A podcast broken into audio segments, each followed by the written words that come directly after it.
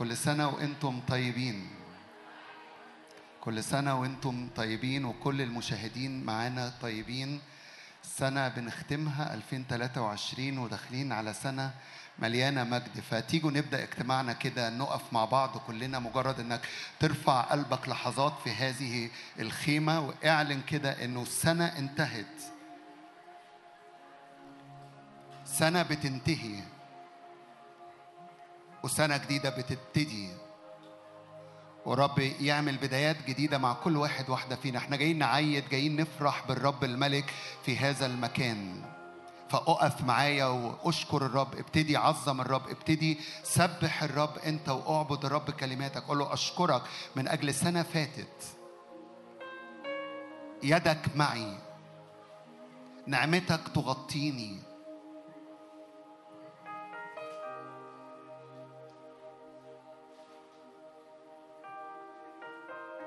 إحنا في احتفال بملك الملوك ورب الأرباب. هذا الاحتفال احتفال ملوكي. فأنا وأنتم واقفين في البلاط الملكي في هذه اللحظات في قدس الأقداس. بكل مهابة بكل وقار ساجدين أمام الملك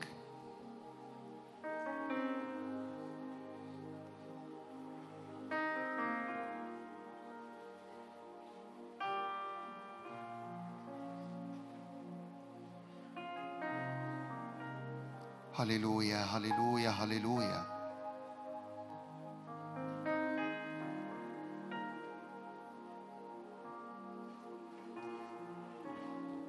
اشكر الرب اللحظات دي اشكر الرب قول يا رب اشكرك لاجل شهر يناير وفبراير ومارس ديسمبر اللي فاتوا ايا كانت التحديات أو المواجهات الرب كان معي ومعك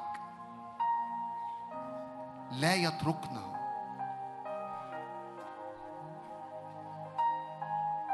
نعم بنعظمك. نعم بنباركك. هللويا. هللويا. هللويا. حضورك كان معنا. يدك كانت قوية علينا. عظمت العمل معنا. والنهاردة جايين نقول لك إحنا فرحين بيك. إحنا فرحانين باللي أنت عملته بينا. وجايين نفرح باللي أنت جاي تعمله بينا.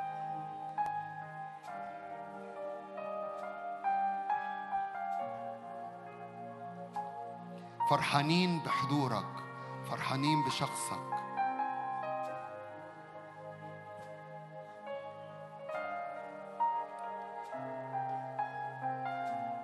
ايا كانت التحديات أو المواجهات اللي بتمر بيها اعلن افتخارك بيسوع المنتصر الغالب. اعلني افتخارك بيسوع المنتصر وغالب.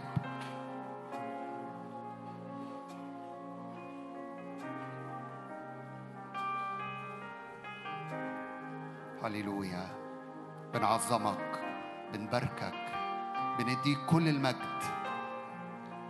يا ملك الملوك يا رب الأرباب من له كل المجد كل السيادة كل العظمة كل السلطان. هللويا هللويا أمين أمين أمين. إحنا مكملين. اتفضلوا لحظات. عاوزين النهارده نحتفل بالرب ونحتفل بصنيعه. عاوزين نقف ككنيسة مش بس الموجودين في الخيمة لكن كنيسة الرب. عاوزين نحتفل بالرب النهارده الملك في وسطينا. وعاوزين ننهي سنة والرب ينهي أمور من هنا لغاية آخر شهر ديسمبر. الرب ينهي على أمور حاصلة خلال السنة دي ويبدأ أمور جديدة مليانة مجد أعظم. آمين؟ فالنهارده إحنا جايين نحتفل بالملك اللي جاي ينهي أمور من أجل إنه يبدأ أمور جديدة هو بيستعلن فيها. أفسس ستة عدد واحد. أؤمن إن الكلمات دي ليها علاقة بالأزمنة اللي جاية وبداية 24 ومكملة معانا. أفسس ستة أصحاح من عدد عشرة. أخيرا يا أخوتي تقووا في الرب وفي شدة قوته البسوا سلاح الله الكامل. لكي تقدروا إيه؟ أن تثبتوا ضد مكايد إبليس. في حاجة ربنا جاي يعملها في هذا الاحتفال.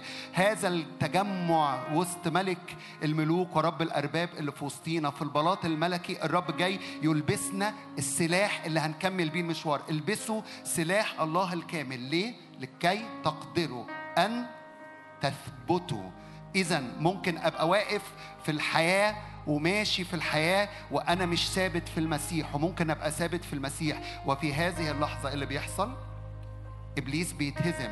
انما صراعاتنا ليست مع دم ولحم بل مع الرؤساء مع السلاطين مع ولاة العالم على ظلمة هذا الظهر مع أجناد الشر الروحية في السماوات. فاللي حاصل في الأرض ده الطبيعي لأن رئيس هذا العالم إيه؟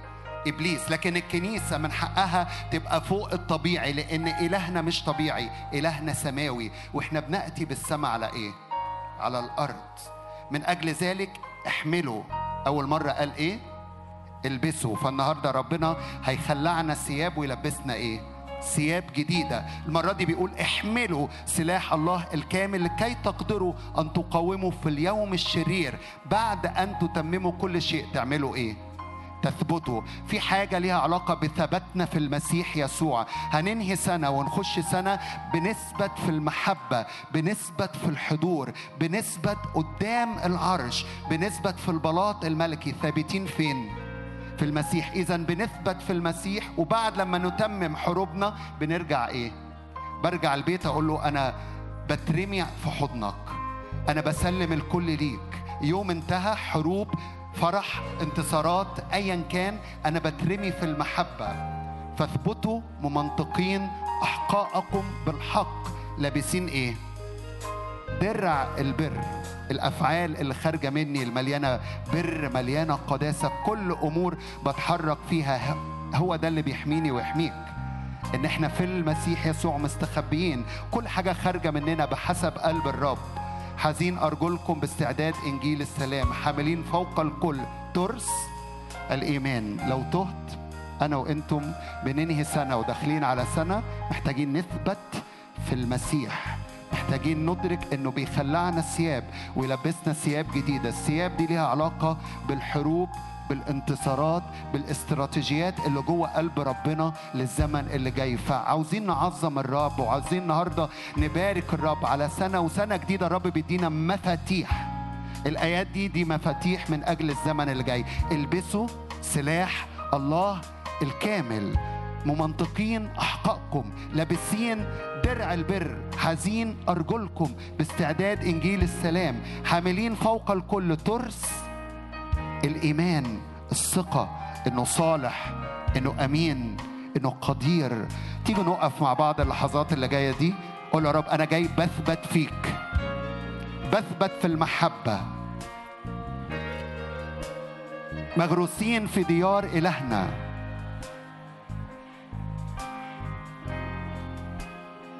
بثبت في حضورك العميق المجيد.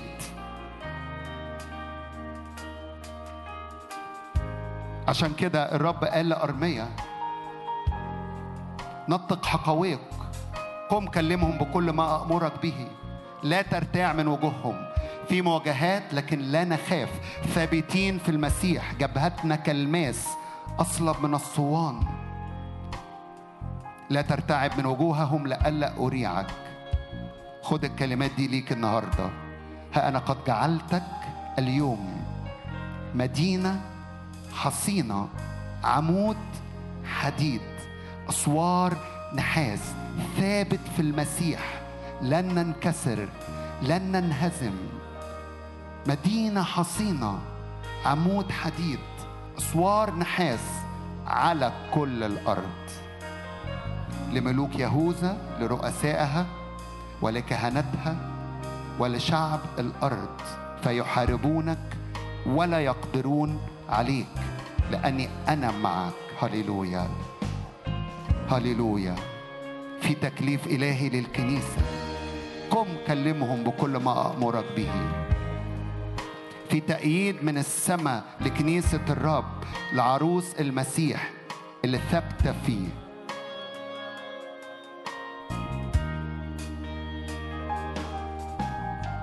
أرجل الكهنة الثابتة لأن الحضور عليهم. لأن التابوت كان على كتفهم. تعالوا نقف في محضر الرب مرة تاني ونثبت في المسيح. نعبد الرب نسبح بالرب نحتفل بالملك.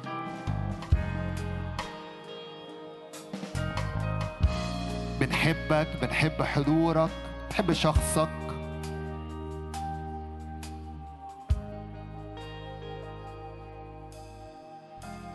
أثبتوا فيا أنا فيكم. ضد كل مكايد إبليس.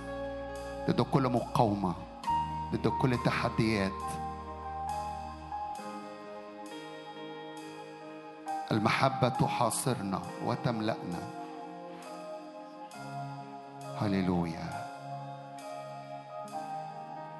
نثبت في المسيح. نتمنطق بالقوة. فيحاربوننا ولا يقدرون علينا. أي هزات بتحصل في الأرض في العالم في الممالك إحنا ثابتين فيك.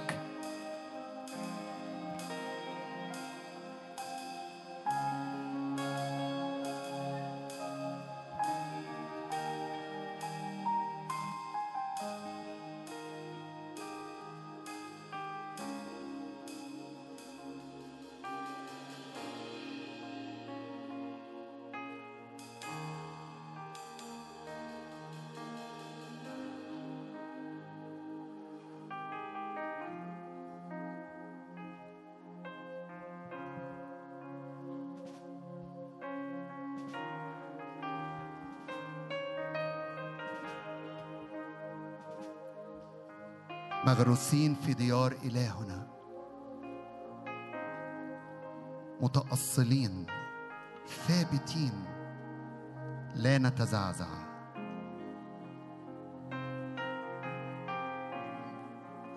ممتلئين مجد ممتلئين قوة.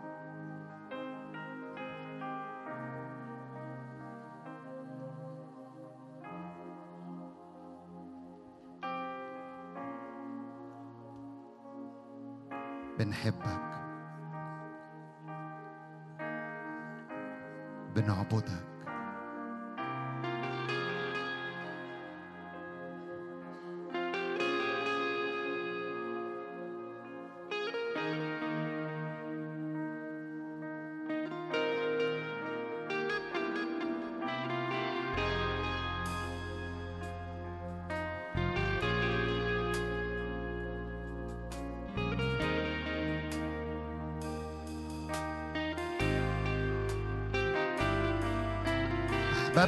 محل بيتك وموضع مسكن مجدك. أدخلني إلى الحجاب. أحببت محل بيتك وموضع مسكن مجدك. أدخلني إلى الحجاب. نعم بندخل إلى الحجاب. أحببت محل بيتك وموضع مسكن مجدك. أدخلني إلى الحجاب أحببت محل بيتك وموضع مسكن مجدك. أدخلني إلى الحجاب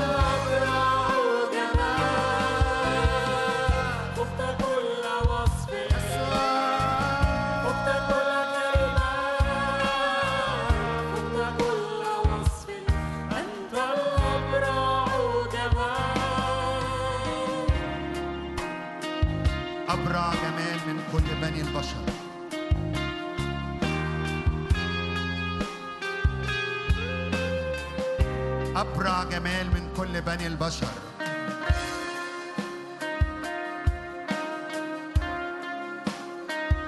نعم بنقف قدامك. بنقف في البلاط الملكي المليان مجد.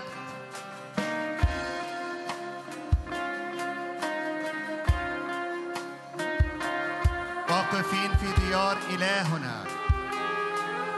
ثابتين في المحبة.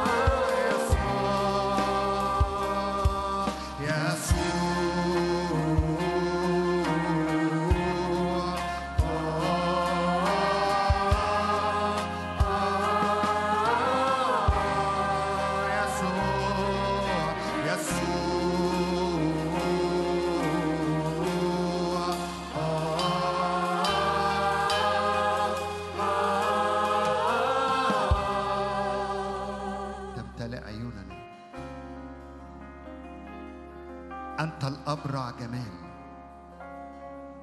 انسكبت النعمة على شفتيك لساني قلم كاتب ماهر.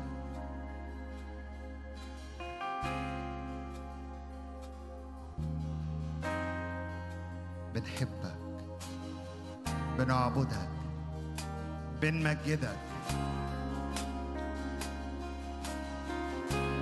بنسجد ليك. في محبتك. بنتغرس في ديارك إلهنا. أنت إلهنا. أنت معنا. أنت لنا. يسوع. يسوع.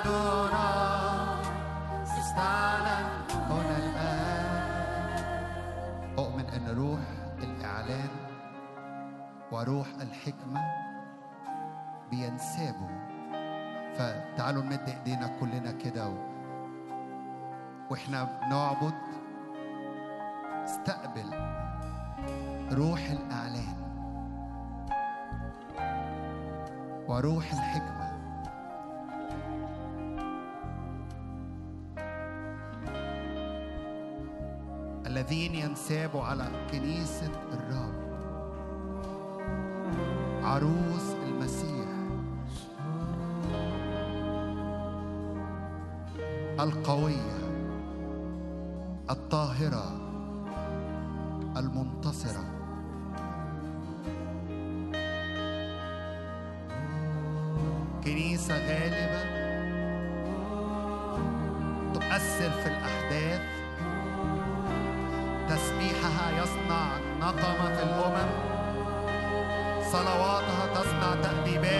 الشعوب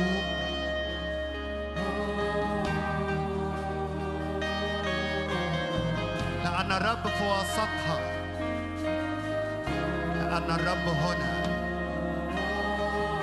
بنعظمك يا ملك الملوك بنرفعك يا إلهنا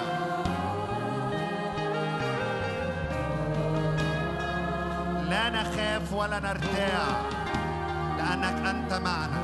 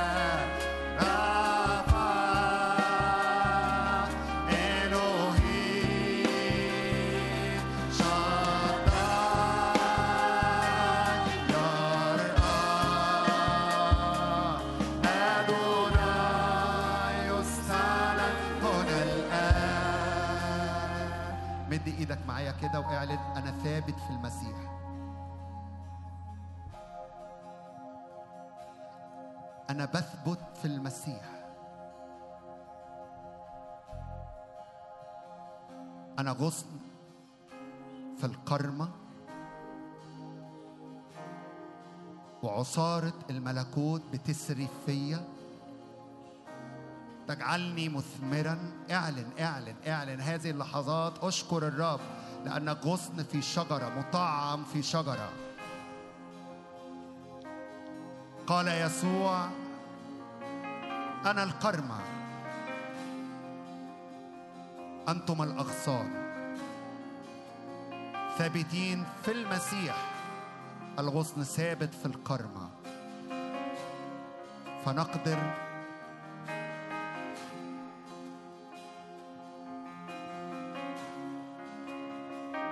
بكل إمكانيات القرمه بكل إمكانيات السماء أن نقاوم في اليوم الشرير. اعلن كده معايا.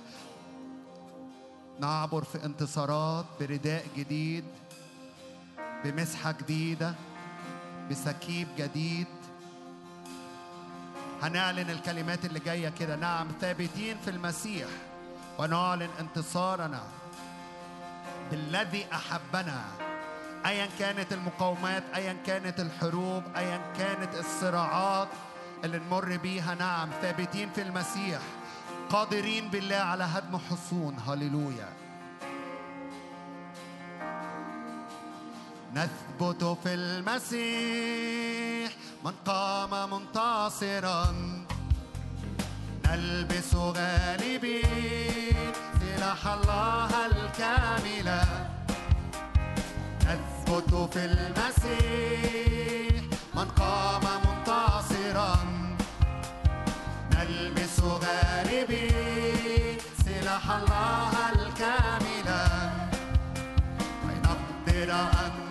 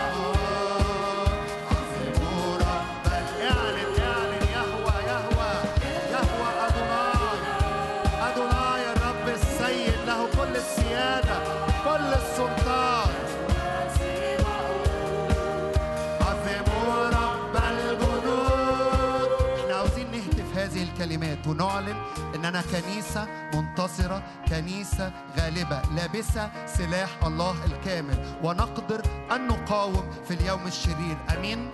أمين؟ أمين. تيجوا نعلن هذه الكلمات. هذه الكلمات إعلانية. فتعالوا نعلن.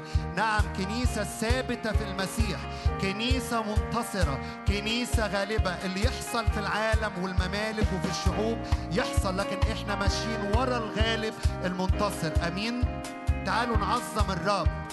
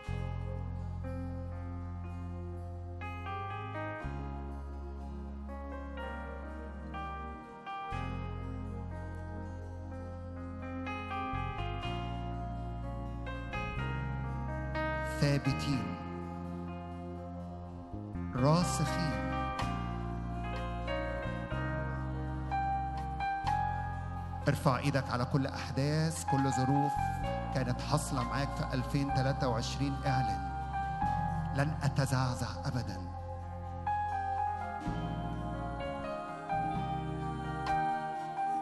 الله في وسطها. هو فينا وإحنا فيه. لن نتزعزع ابدا.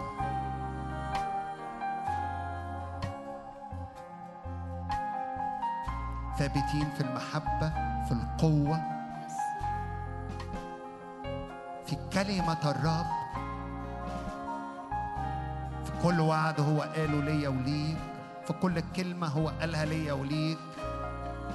في كل عهد قائم بين الرب وبيني وبينك هو أمين في وعوده. استغل هذه اللحظات كده واعلن نعم لأن وعدك ولأن عهدك مضمون لأنك صادق وأمين لأنك تقول فيكون.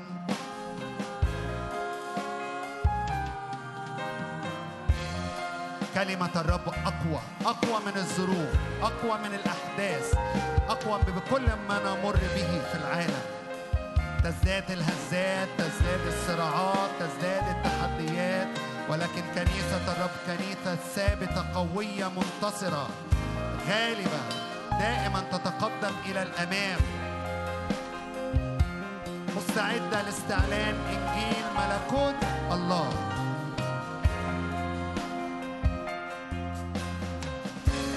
إيدك وإعلن اتساعات على حساب العدو باسم الرب يسوع في حياتي في بيتي.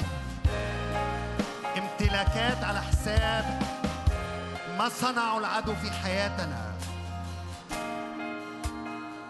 ونلبس رداء جديد رداء ملوكي.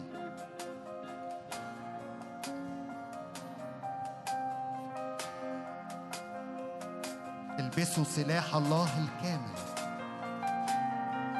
احملوا سلاح الله الكامل. لكي تقدروا أن تقاوموا. ردد كده الأيام اللي جاية نحن قادرون ككنيسة معنا على هدم حصون بيبنيها العدو أو بناها العدو لسنين في حياتنا في بيوتنا. أي لعنات موروثة اعلن معايا واعلني معايا. أي أمور موروثة أي أمور قديمة اعلن اعلن اعلن ليك الغلبة في يسوع. نلبس سلاح الله الكامل نحمل سلاح الله الكامل. نتمنطق بالقوة في الإنسان الباطن. هللويا. جعلنا مدينة حصينة. عمود حديد. أسوار نحاس. فيحاربوننا ولا يقدرون علينا.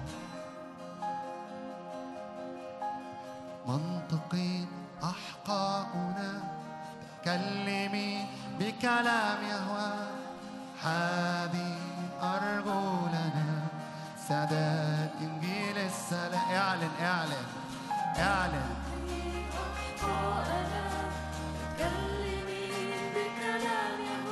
كلمة الرب هي سيف الروح.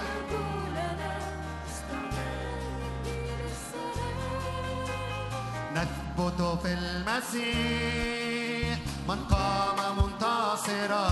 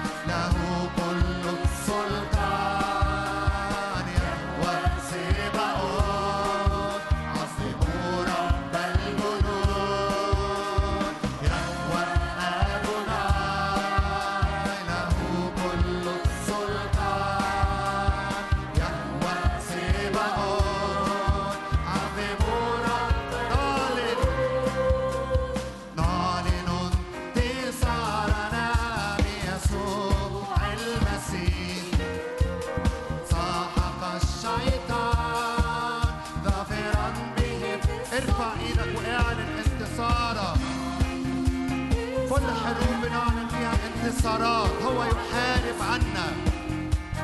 سحق الشيطان ظاهرا به في الصليب الرب قد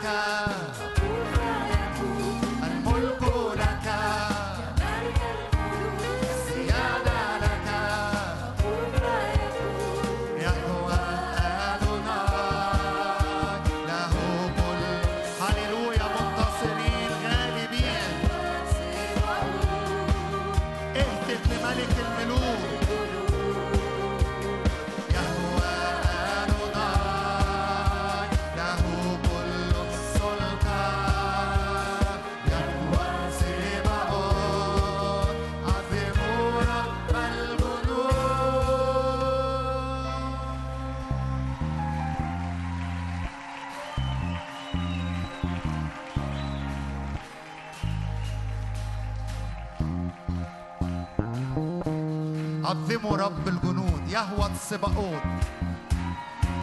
يحارب حروبنا. ونحن واقفين صامتين ثابتين. يحارب عنا هللويا الحرب للرب.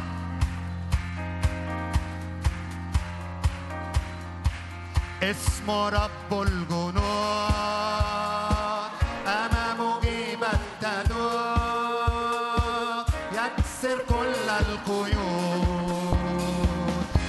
يشفي كل الأمراض يهدم كل الأسوار.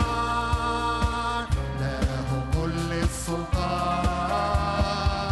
اسمه رب الجنود.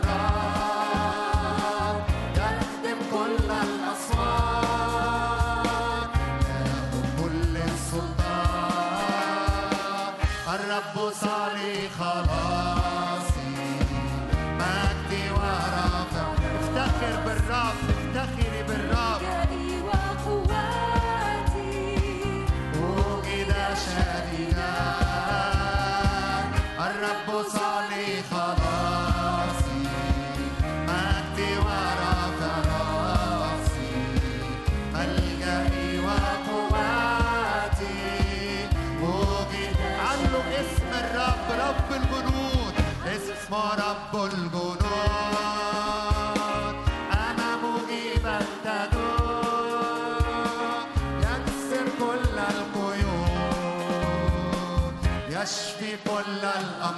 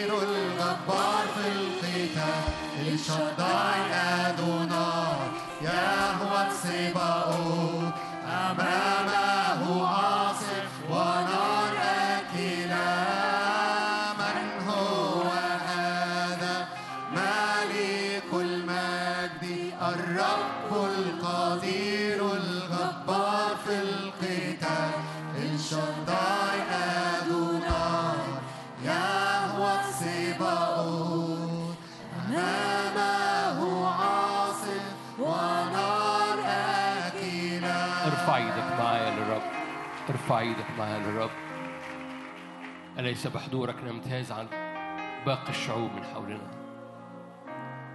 سماوات مفتوحة ملائكة الرب صاعدة ونازلة.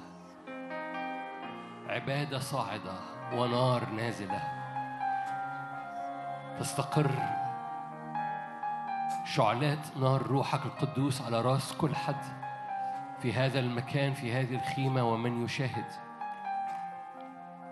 عبادة صاعدة على حساب دم يسوع المسيح. السماويات مفتوحة. من يفصلنا الآن عن محبة الله التي لنا في المسيح يسوع؟ حركة ملائكية بجمرات نارية تملى الخيمة تملى كل أشخاص يشاهدوا الآن في اسم الرب يسوع.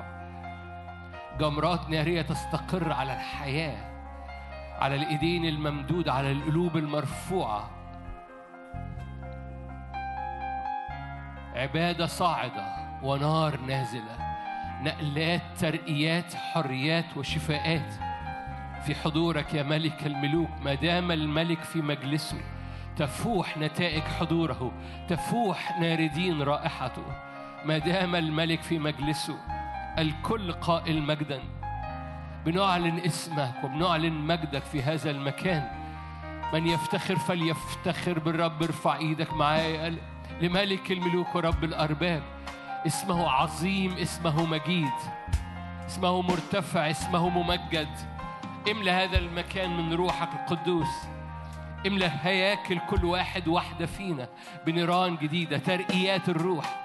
صدق معايا مش مجرد احتفال لكن ترقية في الروح القدس نقلة في الروح القدس زيارة بالروح القدس لحياتك. صدق معايا مش مجرد احتفال. مقابلة نارية من عرش النعمة لحياتك لنفسيتك لجسدك لاستخدامك ولأيامك. مقابلة روحية.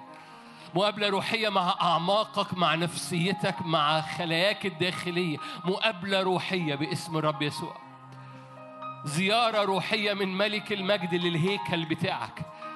رؤى قديمة زيارات صور قديمة. رب يبدل كل صور سودة.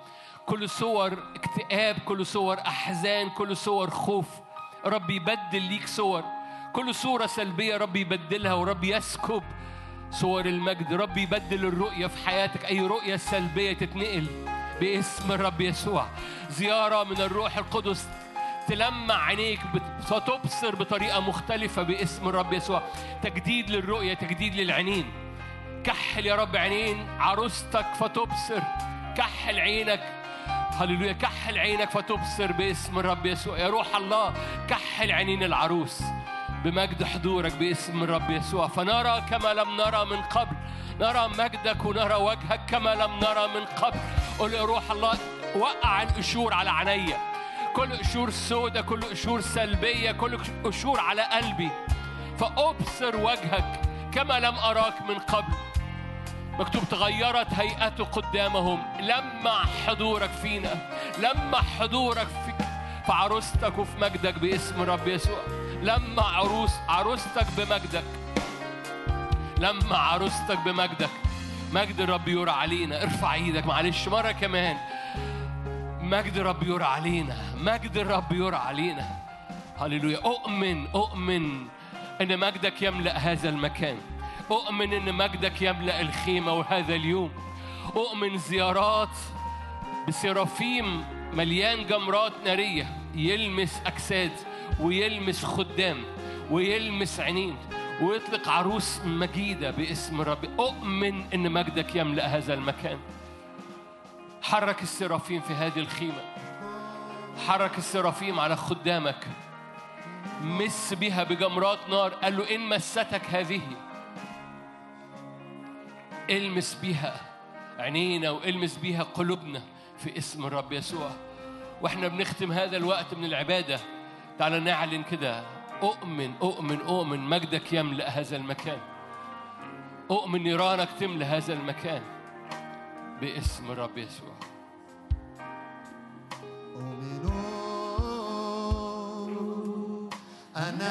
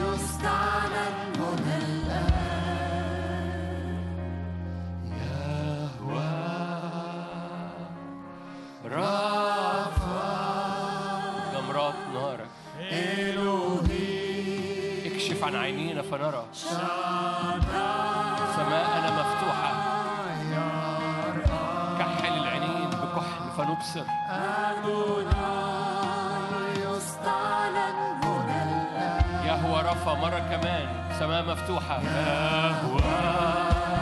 الزيت نازل. الزيت نازل.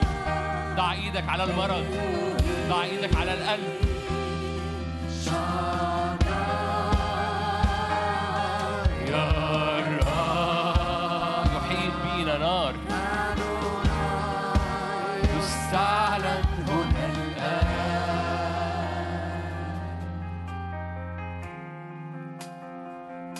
حرك ملائكتك.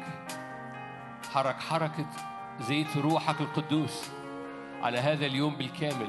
زيارات حيث الروح الرب حيث الروح الرب هناك حرية. هناك حرية. كل قوة أرضية نفسانية شيطانية لا تستطيع أن تتحرك. حرية الرب الروح القدس تملى هذا المكان وتملى هذا اليوم. حرية إطلاق كلمتك وسلطانك وجمراتك النارية. تملى هذا المكان وهذا اليوم في اسم الرب يسوع. تعالوا نقدم تسقفنا للرب. عظم الرب معي. عظم الرب. عظم الرب. مجرد قدمها للرب. قدمها للرب. عظم الرب. بص لي انظر له. انظر له. انظر له. انظر وجهه. مجده يملأ المكان. انظر وجهه. مستحق؟ مستحق الملك. مستحق الملك. مستحق الملك. ملك الملوك. مستحق الملك.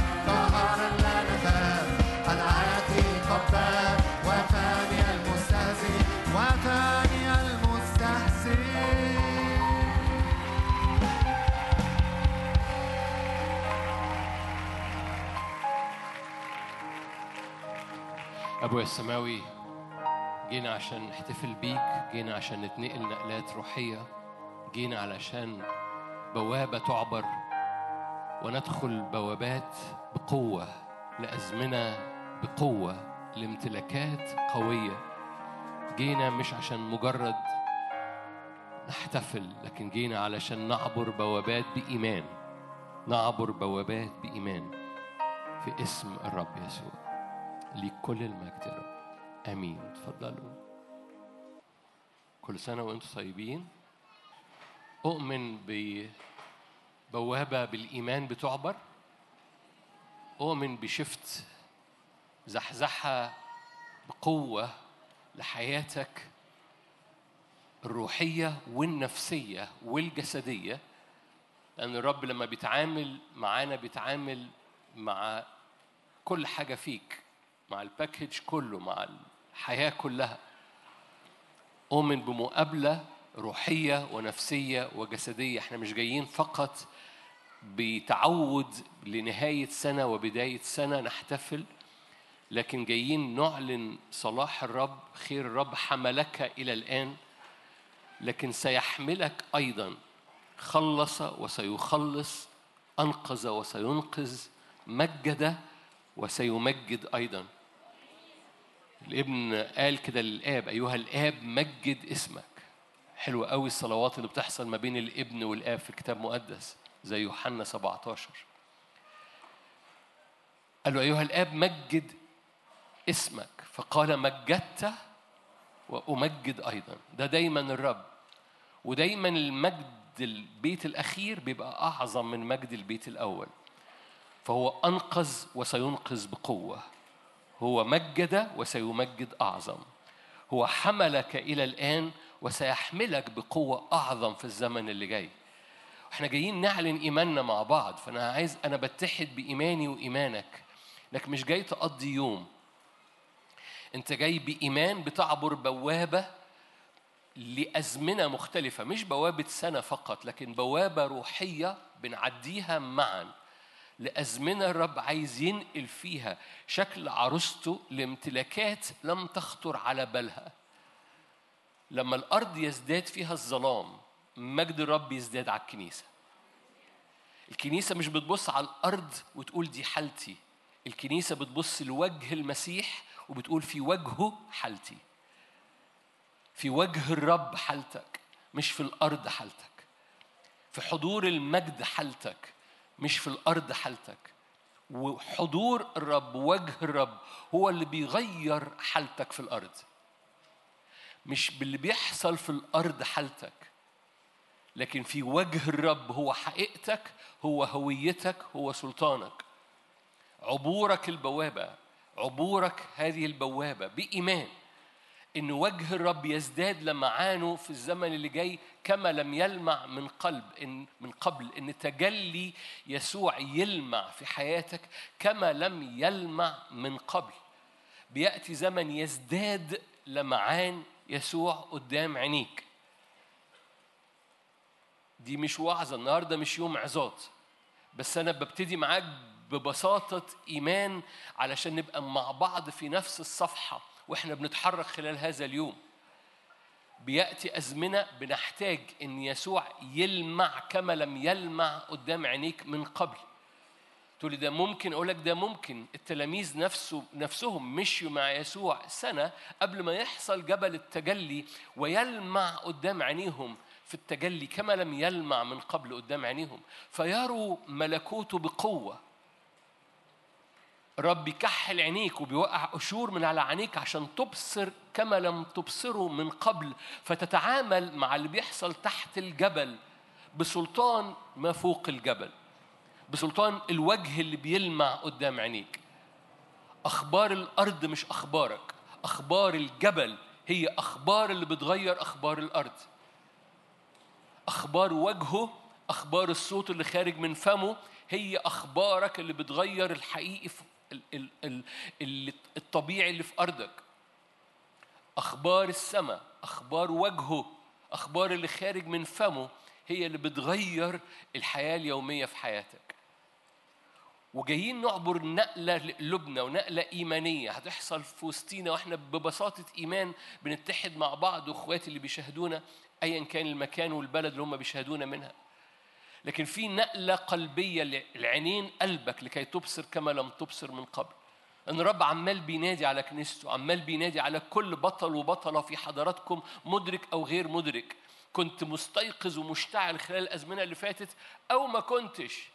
رب يفتدي تاريخ أبطاله. رب يفتدي تاريخ أبطاله. صباح الخير عليكم. رب يفتدي تاريخ أبطاله. أبطال شغالين كأبطال أو أبطال مش حاسين إن هم أبطال. رب ينادي كالعادة في خلال هذا اليوم هذا اليوم مش مشاركات مش عظات لكن لكن بنحمل مفاتيح أو أو مفاتيح للأزمنة خاصة لأن إحنا داخلين على أزمنة خاصة. فرب يدي الكنيسة مفاتيح لأزمنة خاصة. النهاردة مشاركتين المشاركة الأولى مشاركة تميل إنها أبعاد روحية والمشاركة الثانية تميل إنها تكون أبعاد عملية بطريقة عملية ماذا ينبغي أن نفعل. فالمشاركة دي برغم إنها روحية لكن مش عظات. فأنا عايزك تدرك ده شغل روحي بنعمله مع بعض في نهاية هذه السنة. فأنت مش جاي تسمع عظات. العظات ممكن تسمع كل الملفات القديمة والملفات اللي جاية. لكن ببساطة في وديعة الرب عايز يسكبها علينا هذا اليوم. وهذه الوديعة إنه بينادي على البطل فيك استيقظ قوم. بينادي على حتى الأمور اللي ماتت جواك حتى الأمور اللي بقالها سنين أنت ريحت فيها. في البعض موجودين هنا لأول مرة أو البعض موجودين هنا بقالهم سنين ما حضروش اجتماع مثل هذا. بس الرب ينادي على لعازر قالوا له يا سيد قد أنتن. بس هو وقف على الباب وقف على أص... على أبواب الجحيم لعازر هلم خارجا. وزي ما يكون الرب ينادي على حاجات ماتت جوه البعض هنا أو حاجات فقدت الرؤية جوه البعض هنا أو حاجات ما بقتش متشافة. حاجات الرب وريها لك في يوم من الأيام ما بقتش متشافة anymore. ورب ينادي على كل رؤية قديمة بينادي على كل بطولة ماتت جواك لعازر هلم خارجا. رب عمال بينادي في هذا الزمن. ليه؟ لأنه لأن في استدعاء للجيش. في في كول بيخرج في مناداة بتخرج في اصطفاف بيخرج. استدعى لأبطال الرب استدعى للجيش. وخلي بالك الاستدعاء لما بيحصل مش بيبقى الناس كلها جاهزة. الاستدعاء بيحصل عشان تبقى جاهز. مش لأنك جاهز الرب يستدعيك لكن لأنك ابن وابنة الرب بيستدعيك. في آية هنرجع لها بعد شوية يقول لك لا تخلية في الحرب. يعني لما يبقى في حرب لما يبقى في استدعاء مفيش تخلية. يعني مفيش مفيش اكسكيوز مفيش أعذار. لا تخلية في الحرب. رب يستدعي. رب يستدعي أبطاله. رب يستدعي حضرتك وحضرتك أمامه. والاستدعاء لا يعني إن حضرتك جاهز. الاستدعاء بيقول لك عشان كده الكتاب المقدس يقول لك من تجند قط بنفقة نفسه. الآية دي بتحكي عن أمور بس أنا بستخدمها لأمور روحية. يعني يعني الجندية مسؤولية الرب إن يخليك جاهز. مش لأنك أنت جاهز بيستدعيك لكن لأنه بيستدعيك هو بيخليك جاهز. فما تستثنيش نفسك من الجندية ما, تستز... ما تستثنيش نفسك من الاستدعاء لأنك مش جاهز أو لأن الزمن اللي فات كان بيحصل فيه كذا أو كذا أو كذا. ما تستثنيش نفسك لأن في نعمة رب بيستدعي. خليني أقرأ لك أول شاهد في سفر زكريا. سفر زكريا. زكريا عشرة. سفر زكريا صح عشرة. بالمناسبة أحد فاكرين السنة اللي فاتت كان في سفر عاموس ال ال زكريا أؤمن سفر زكريا من الأسفار اللي هتتزار كتير خلال هذه السنة. وأشجعك ارجع لسفر زكريا واقراه.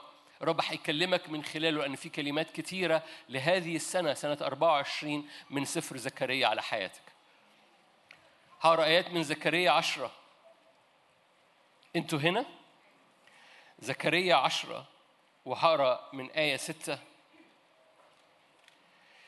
أقوي بيت يهوذا وأخلص بيت يوسف.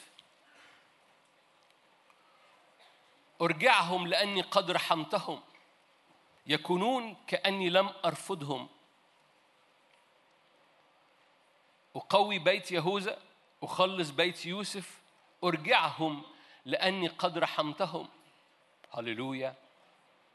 يكونون كأني لم أرفضهم لأني أنا الرب إلههم فأجيبهم.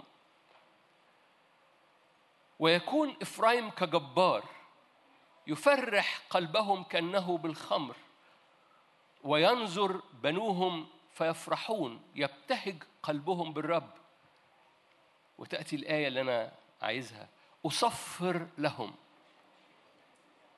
أصفر لهم. بعضكم سمعني بقول هذا التعبيرات كذا مرة قبل كده بس أول مرة أو مش أول مرة يعني. بس أنا بعلنها. ربي يصفر لحضرتك. ربي يصفر لحضرتك. بيصفر عشان إيه؟ عشان يجمعك. أصفر لهم وأجمعهم لأني قد فديتهم. هللويا. ويكثرون كما كثروا. لأن الرب يصفر بيجمع لأنه بيفتدي فبيأتي بحصاد كثير. وأزرعهم بين الشعوب فيذكرونني في الأراضي البعيدة ويحيون مع بنيهم ويرجعون. رب يصفر لأبطاله. المدركين والغير مدركين رب يصفر لحضرتك عشان ينادي على أبطاله لأن رب يجمع أبطاله. رب يفتدي تاريخ أبطاله حتى الأبطال اللي هم مش حاسين إن هم أبطال أو رب لما خرج الشعب من أرض العبودية من أرض مصر في سفر الخروج دعاهم من اليوم الأول. يقول لك الليلة التي أخرج فيها الرب جميع أجناده كلكم عارفين هذه التعبيرات بس أنا بس, بس ب ب ب أذكرك بالاستدعاء. في أول ليلة الرب خرج العبيد من أرض مصر. هم لسه عبيد. أول يوم يمشوا فيه وراء الرب الرب سموهم أجناده. وبالتالي لا تستثني نفسك من كلمة بطل أو جندي لأنك أنت ما كنتش مدرك. العدو كان مدرك. عشان كده بهدل أو عمل أو ضغط أو عمل أمور في حياتك. لكن رب يفتدي تاريخ أبطاله. التكرار اللي بيرجع على حتى خدام التكرار اللي بيرجع من هزائم التكرار اللي بيرجع من إحباطات التكرار اللي بيرجع من مواجهات بتوجع في بعض أحيان من شكاية أو من خزي أو من آلام جاية من أشخاص حواليك. رب يفتدي تاريخك. رب يفتدي كل عارفين يعني إيه بيفتدي؟ يعني يأتي في ظهرك ويقول لك مش محتاج تبص ورا فيما بعد أنا بفتدي كل حاجة وراك. كلمة افتدى كلمة كلمة قوية جدا. كلمة الفدا كلمة قوية جدا، الفدا يعني الرب يضع نفسه في ظهرك ويقول لك ما تبصش لورا. أنا فديت كل حاجة في ماضيك بل بالعكس أنا فديت كل حياتك ماضي وحاضر ومستقبل. فانت متحرك تحت مظلة من الفدا لكن بصورة عملية ما تبصش لورا. كل دورانات في ضعفات كل دورانات تخلص من حاجة يطلع حاجة. كل دورانات لأمور قديمة في بعض أحيان مريت بيها. غطاء الفدا بيغطي كل حياتك لأن الرسالة الأولى أنت في هذا الزمن لأن في زمن استدعى ما ينفعش تبص لورا. ما ينفعش من ينظر إلى الوراء ما بينفعش يتحرك في الملكوت. في الأزمنة القادمة ما ينفعش ليه؟ لأن ده زمن استدعى ومن تجند قط بنفقة نفسه الرب مسؤول عن إعدادك الرب مسؤول عن النقلة الروحية في حياتك أنت ما تبصش لورا. وأول ما العدو يأتي لكي يذكرك بأمور لورا ترفع إيدك الرب يفتدي تاريخي. رب يفتدي ماضي وحاضر ومستقبل وقوة الفدا يجب إنها تملى قلبك. قوة الفدا يجب إنها تملى عينيك وتملى تاريخك وتملى نفسيتك علشان عينيك تبطل تنظر إلى الدورانات القديمة إلى الرجوع للأركان الضعيفة إلى الحتت القديمة اللي بت بت بتلف فيها مرة تاني.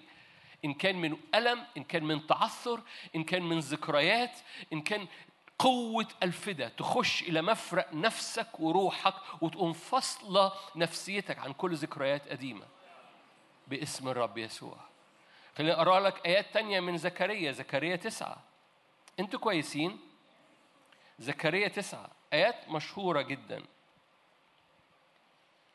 زكريا تسعة هقرأ من آية 8 أحل حول بيتي. هللويا. ده الرب بيقول. حد هنا بيت للرب؟ لو رب مش مالي قلبك هذا اليوم فرصة إن رب يملى كل حتة في جوانب حياتك. وانتهز هذا اليوم وقول يا رب أنا بفتح البيت بتاع الهيكل بتاعي قلبي املى كل حاجة في كياني.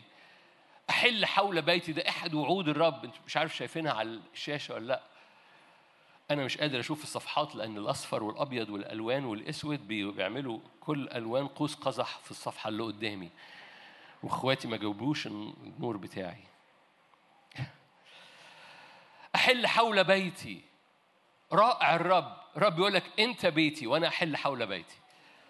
أنا ما أعرفش عنك بتعمل إيه بآيات كتاب مقدس بس محتاج ما تقراش وتجري كده وتستمتع بكل لغة محبة الرب يريد أن يسكبها على حياتك. أحل حول بيتي. ليه؟ بسبب الجيش اللي بيحارب اللي بيأتي ويهاجمك الذاهب والآيب يعني عمال يروح ويجي على حياتك. بسبب الهجمات المتكررة بسبب الظروف المتكررة بسبب أحداث متكررة بسبب هجمات مرضية أو هجمات نفسية بسبب الجيش الذاهب والآيب الرب يقول لك أنا أحل حول بيتي. فلا يعبر عليهم بعد إيه؟ جاب الجزية. آيات معروفة بس أنا أنت محتاج تدركها. إحنا ما زلنا في في الشاهد الأول في هذا المعنى بتاع استدعاء الجيش اللي على على على مسؤولية الرب. مدرك أنت أو مش مدرك الرب يستدعي أبطاله فبيفتدي تاريخهم. أحل حول بيتي بسبب الجيش الذاهب والآيب فلا يعبر عليهم بعد جاب الجزية.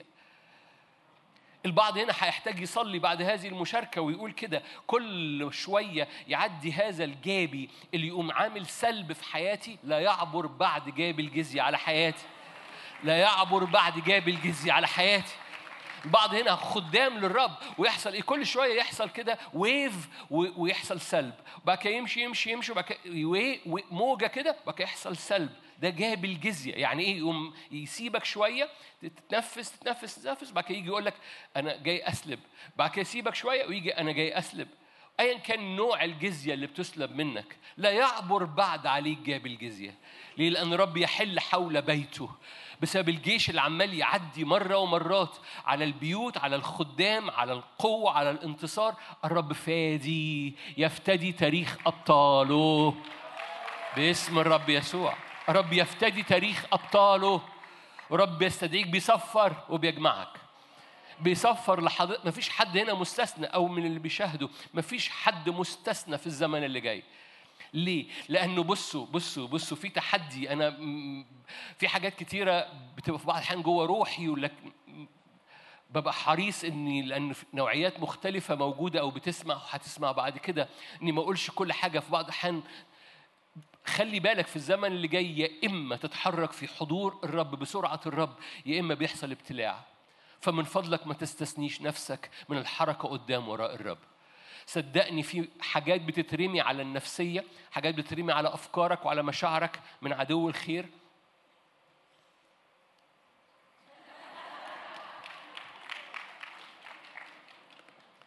ده مهتم بيا ده يسوع رعية ومدبر أموري وعينه عليا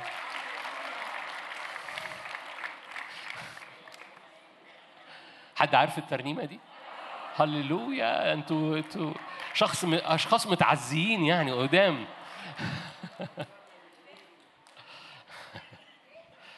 يا شفتوا؟ وبتنور كمان.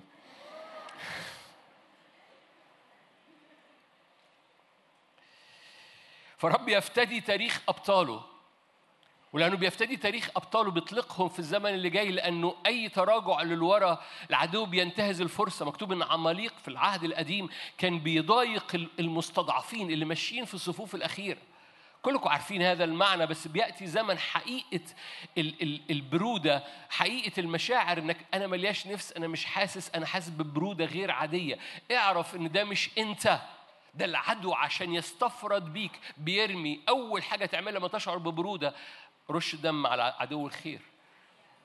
اعلن فدا الرب اللي بيغطي حياتك. اعلن رفضك للتراجع لورا جواك ببساطة بدون ما تعمل أي حاجة. ليه؟ لأن العدو هيزود هذه البرودة اللي بيرميها في العالم. تحس أنا مفصول عن اللي بيحصل. أنا مش حاسس قوي أنا كنت مشتعل في يوم من الأيام بس أنا تراجعت لورا الدنيا مش جايبة قوي معايا. كل هذه المشاعر هي من عدو الخير لأنه خايف من البطل فيك. خايف من قيامة البطلة جوه الإنسان الروح اللي جواكي وجواك. هو خايف من قيامتك. هو خايف إنك تتجاوب مع الصوت اللي عمال بيقول لعازر اطلع لي. لعازر اطلع لي فوق الجبل. لعازر اطلع لي من من من الزمن اللي قد أنتن يا سيد. بقاله مدة طويلة. هو خايف إنك تستجيب لهذا الصوت لعازر هلم خارجا لأن أول ما الصوت ده بيأتي لكل حتت ماتت فينا لأن هو يعبر حوالين بيته من أجل الجيش الذاهب والآيب فلا يعبر بعد جاب الجزية وينادي عليك يصفر ويجمعك. أرايز اصحى استيقظ. ليضيء نور الرب ومجد الرب على حياتك. رب يصفر لأبطاله في هذا الزمن. الأزمنة اللي جاية ما ينفعش تبص لورا. كمل معاك. حل حول بيتي بسبب الجيش الذاهب والآيب فلا يعبر عليهم بعد جاب الجزية. آية آية 11 أنت أيضا. فإني بدم عهدك بدم العهد. قد أطلقت أسراك من الجب الذي ليس فيه ماء ارجعوا إلى الحصن يا أسرى الرجاء. هللويا. أي حد كان شاعر إنه محبوس في الأزمنة اللي فاتت. هذا الاجتماع بصورة خاصة. ترفع إيدك. الرب فادي تاريخي. الرب فادي ماضية حاضري ومستقبلي. فدا الرب يغطي كل حاجة في حياتي. فدا الرب يغطي كل حاجة. رب يفتدي أبطاله. هللويا. في زمن إيليا كان في أنبياء مستخبيين في المغاير. كانوا بيعالوا بخبز وماء. كانت الحالة يدوب بالتيلة بالعافية ماشية. بس بيأتي زمن مثل هذه الأزمنة وفي الأزمنة الأخيرة قال كده أنا بسكب روح إيليا ده أيام إيليا. هذه هي أيام إيليا. ومسحه إيليا على الكنيسة.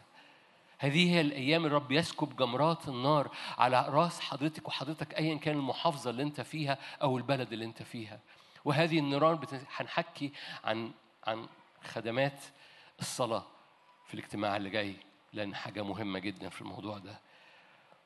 الاجتماع التاني مليان و... و... وحاجات فيها بعد محدد للأزمنة اللي جاية في البلاد في القارات وفي مصر.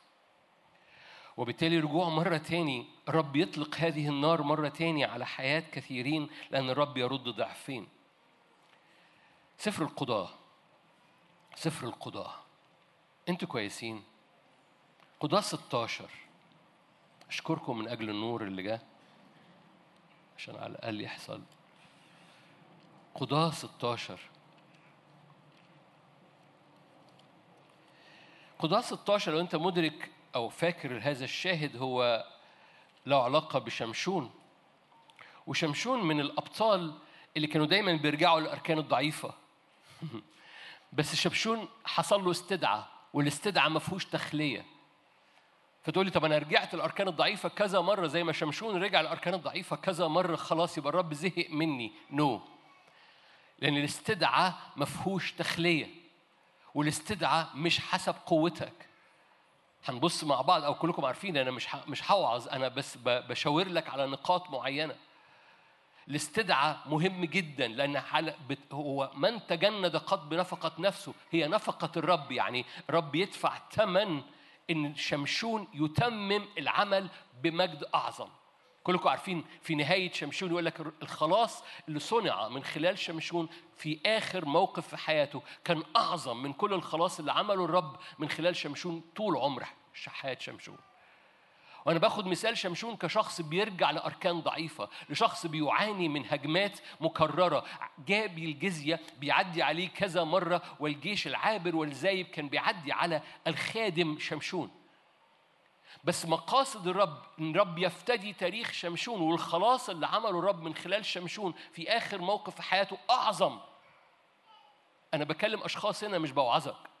الخلاص الرب سيصنعه من خلالك في الأزمنة الأخيرة. هو أعظم من كل خلاص عمله من خلالك في الأزمنة اللي فاتت.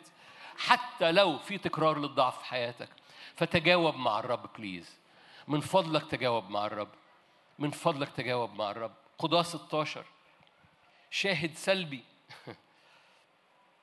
بعد ما حلق قال لها كده في آية 17 قال لدليلة كشف لها كل قلبه وقال لها لم يعلو موس رأسي لأني نذير الله من بطن أمي. فإن حلقت إن حلقت تفارقني قوتي وأضعف وأصير كأحد الناس. لأنه هذه العصائب بتاع شعره كانت إعلان النذرية كان إعلانه ملك للرب.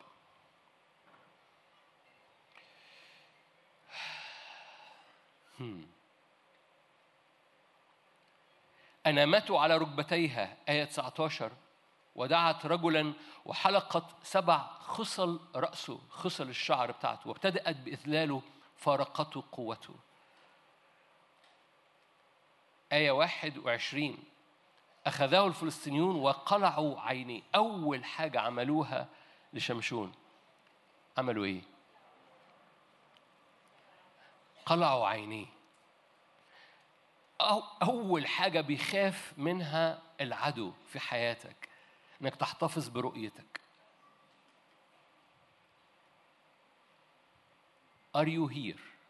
بالإنجليزي. أول حاجة بيخاف منها العدو إنك تحتفظ برؤيتك.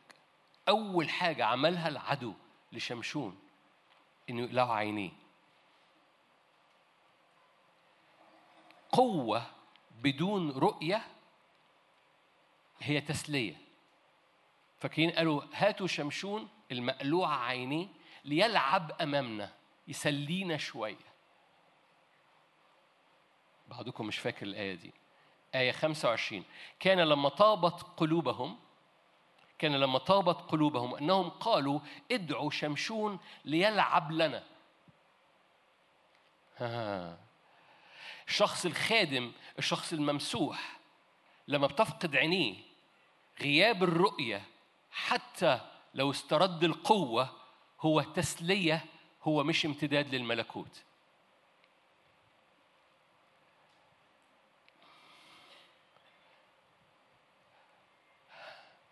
دي أهمية الرؤية في حياتك.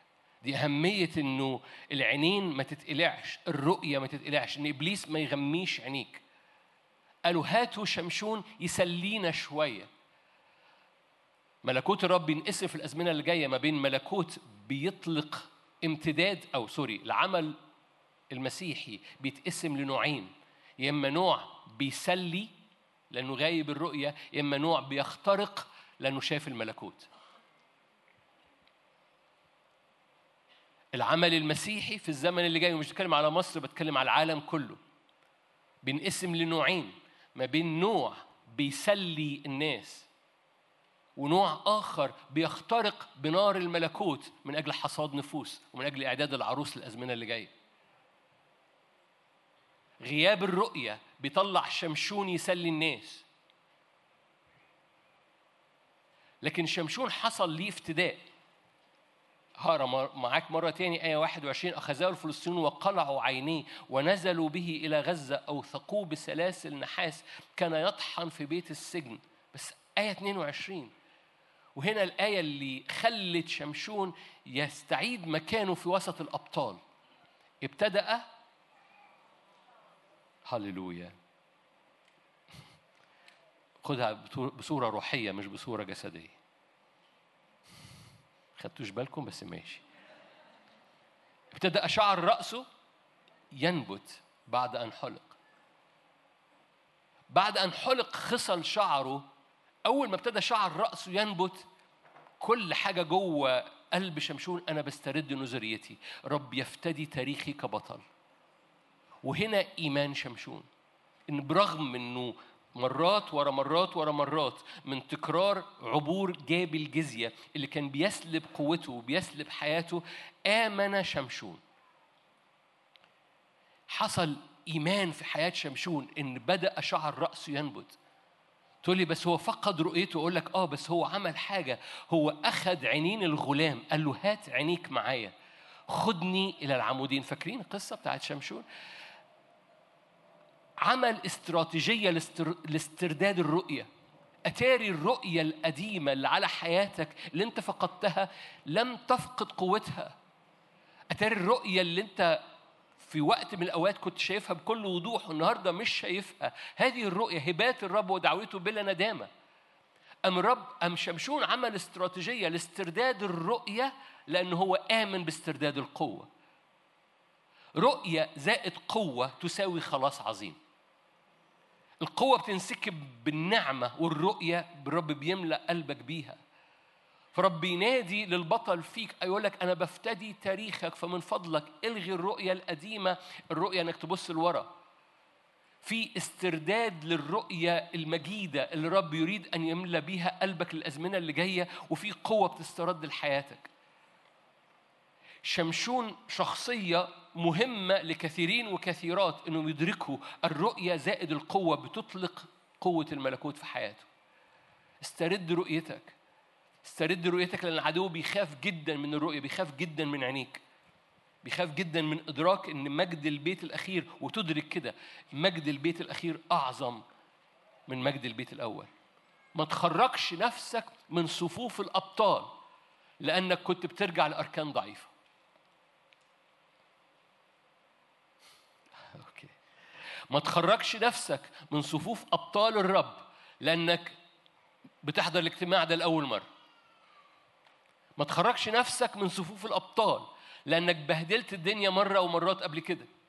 ما تخرجش نفسك من صفوف الأبطال لو أنت محبط في أمور كتيرة في حياتك لأن رب بيسترد ليك الرؤية وبيسترد ليك القوة. شعر راسك هينبت.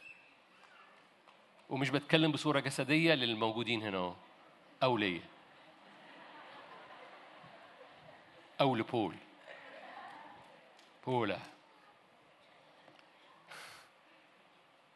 استرداد النذوريه هو قلبك اللي بيقول له أنا ليك واول ما بي بي بتقول بقلبك أنا ليك يا رب رب بي بي بيسترد لك نذريتك فبيسترد لك قوتك لأن من تجند قط بقوته.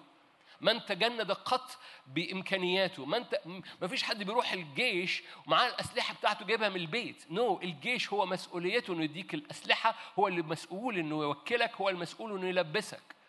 من تجند قط بنفقة نفسه. بس أنت بتس... تتجاوب مع هذا الاستدعاء. ها أنا ذا يا سيد. ورب يصفر وبيجمعهم ورب يفتدي تاريخ شمشون بالكامل. ليه؟ عشان مجد البيت الأخير في شمشون. الخلاص اللي عمله الرب من خلال شمشون في الموقف الأخير أعظم من كل الخلاص اللي عمله على مدار حياة شمشون. عبرانيين 11 أنتوا هنا؟ برغم إني بشارك مشاركة روحية في هذا الاجتماع المشاركة اللي جاية مشاركة عملية زائد روحية. برغم إني بشارك مشاركة روحية لكن أنا مش عايزك تتعامل معاها كعظة. عايزك تاخد النقلة وتعبر البوابة بإيمان. لن يعود مرة تاني رجوع في حياتي لن أنظر للوراء الرب يفتدي تاريخي كبطل. مش هستثني نفسي من صفوف الأبطال أنا بخش 24 وطالع بإيمان بطولة باسم الرب يسوع. بصوا الرب هيعبرنا أبواب ورا أبواب ورا أبواب في 24 يمكن أحكي يمكن ما أحكيش عن الحتة دي بس 24 متقسمة أربع مراحل من عبور لو أنت تحب ومن افتداء لو أنت تحب. أرب... ما تستثنيش نفسك من الصفوف اللي الرب يستدعيها عشان يقفوا صفوف وراء الرب للعبور في الزمن اللي جاي حتى لو كان تاريخك مثل شمشون. عبرانيين 11 الأبطال الإيمان اللي موجودين مشهورين قوي في عبرانيين 11 خليني أقرأ لك آيات حلوة. ماذا أقول أيضا؟ عبرانيين 11 32 ماذا أقول أيضا؟ لأنه يعوزني الوقت إن أخبرت. ماذا أقول أيضا؟ لأنه يعوزني الوقت إن أخبرت عن جدعون وباراق. وشمشون ويفتاح وداود وصميل والأنبياء. ما أعرفش الليستة عجيبة جدا. وإزاي بالروح القدس؟ حتى الليستة مش مرتبة تاريخ. لو أقول يمكن مرتبة تاريخ زمني. نو no. هي مش مترتبة تاريخ زمني. بس تاريخ إعلاني مش دي وعظة بقى من وعظها التاريخ الإعلاني اللي حاصل. لكن في في القائمة اللي فيها داوود وصميل وجدعون حاطط شمشون. أرجو أنك تكون شايف الآية. جدعون باراق شمشون يفتاح داوود وصميل والأنبياء. أشعيا من الأنبياء. شمشون موجود في نفس الصف. لا تستثني نفسك. الذين بالإيمان هللويا قهروا ممالك. صنعوا بر. نالوا مواعيد. سدوا أفواه أسود. هكمل الآيات لأنها جميلة. أطفأوا قوة نار. نجوا من حد السيف تقووا من ضعف. صاروا أشداء في الحرب هزموا جيوش غرباء. قهروا ممالك. مرة تاني 33 قهروا ممالك صنعوا بر نالوا مواعيد سدوا أفواه أسود. وكل تعبير من دول بيخبط في حتة. كل تعبير من دول بيخبط في حتة. بس أنا باخد بصورة عامة حاليا لأن هاخد تعبير منهم واطلع النقطة نمرة اتنين. خلي بالك شمشون موجود في هذه الليستة. رب يفتدي تاريخ أبطاله. بس هاخد تعبير من التعبيرات الموجودة في 33 صنعوا برا. لأن في ترقية لهذا الدرع على حياة الكنيسة في الزمن اللي جاي. درع اللي اسمه درع البر. تسمعوا عنه؟ درع البر.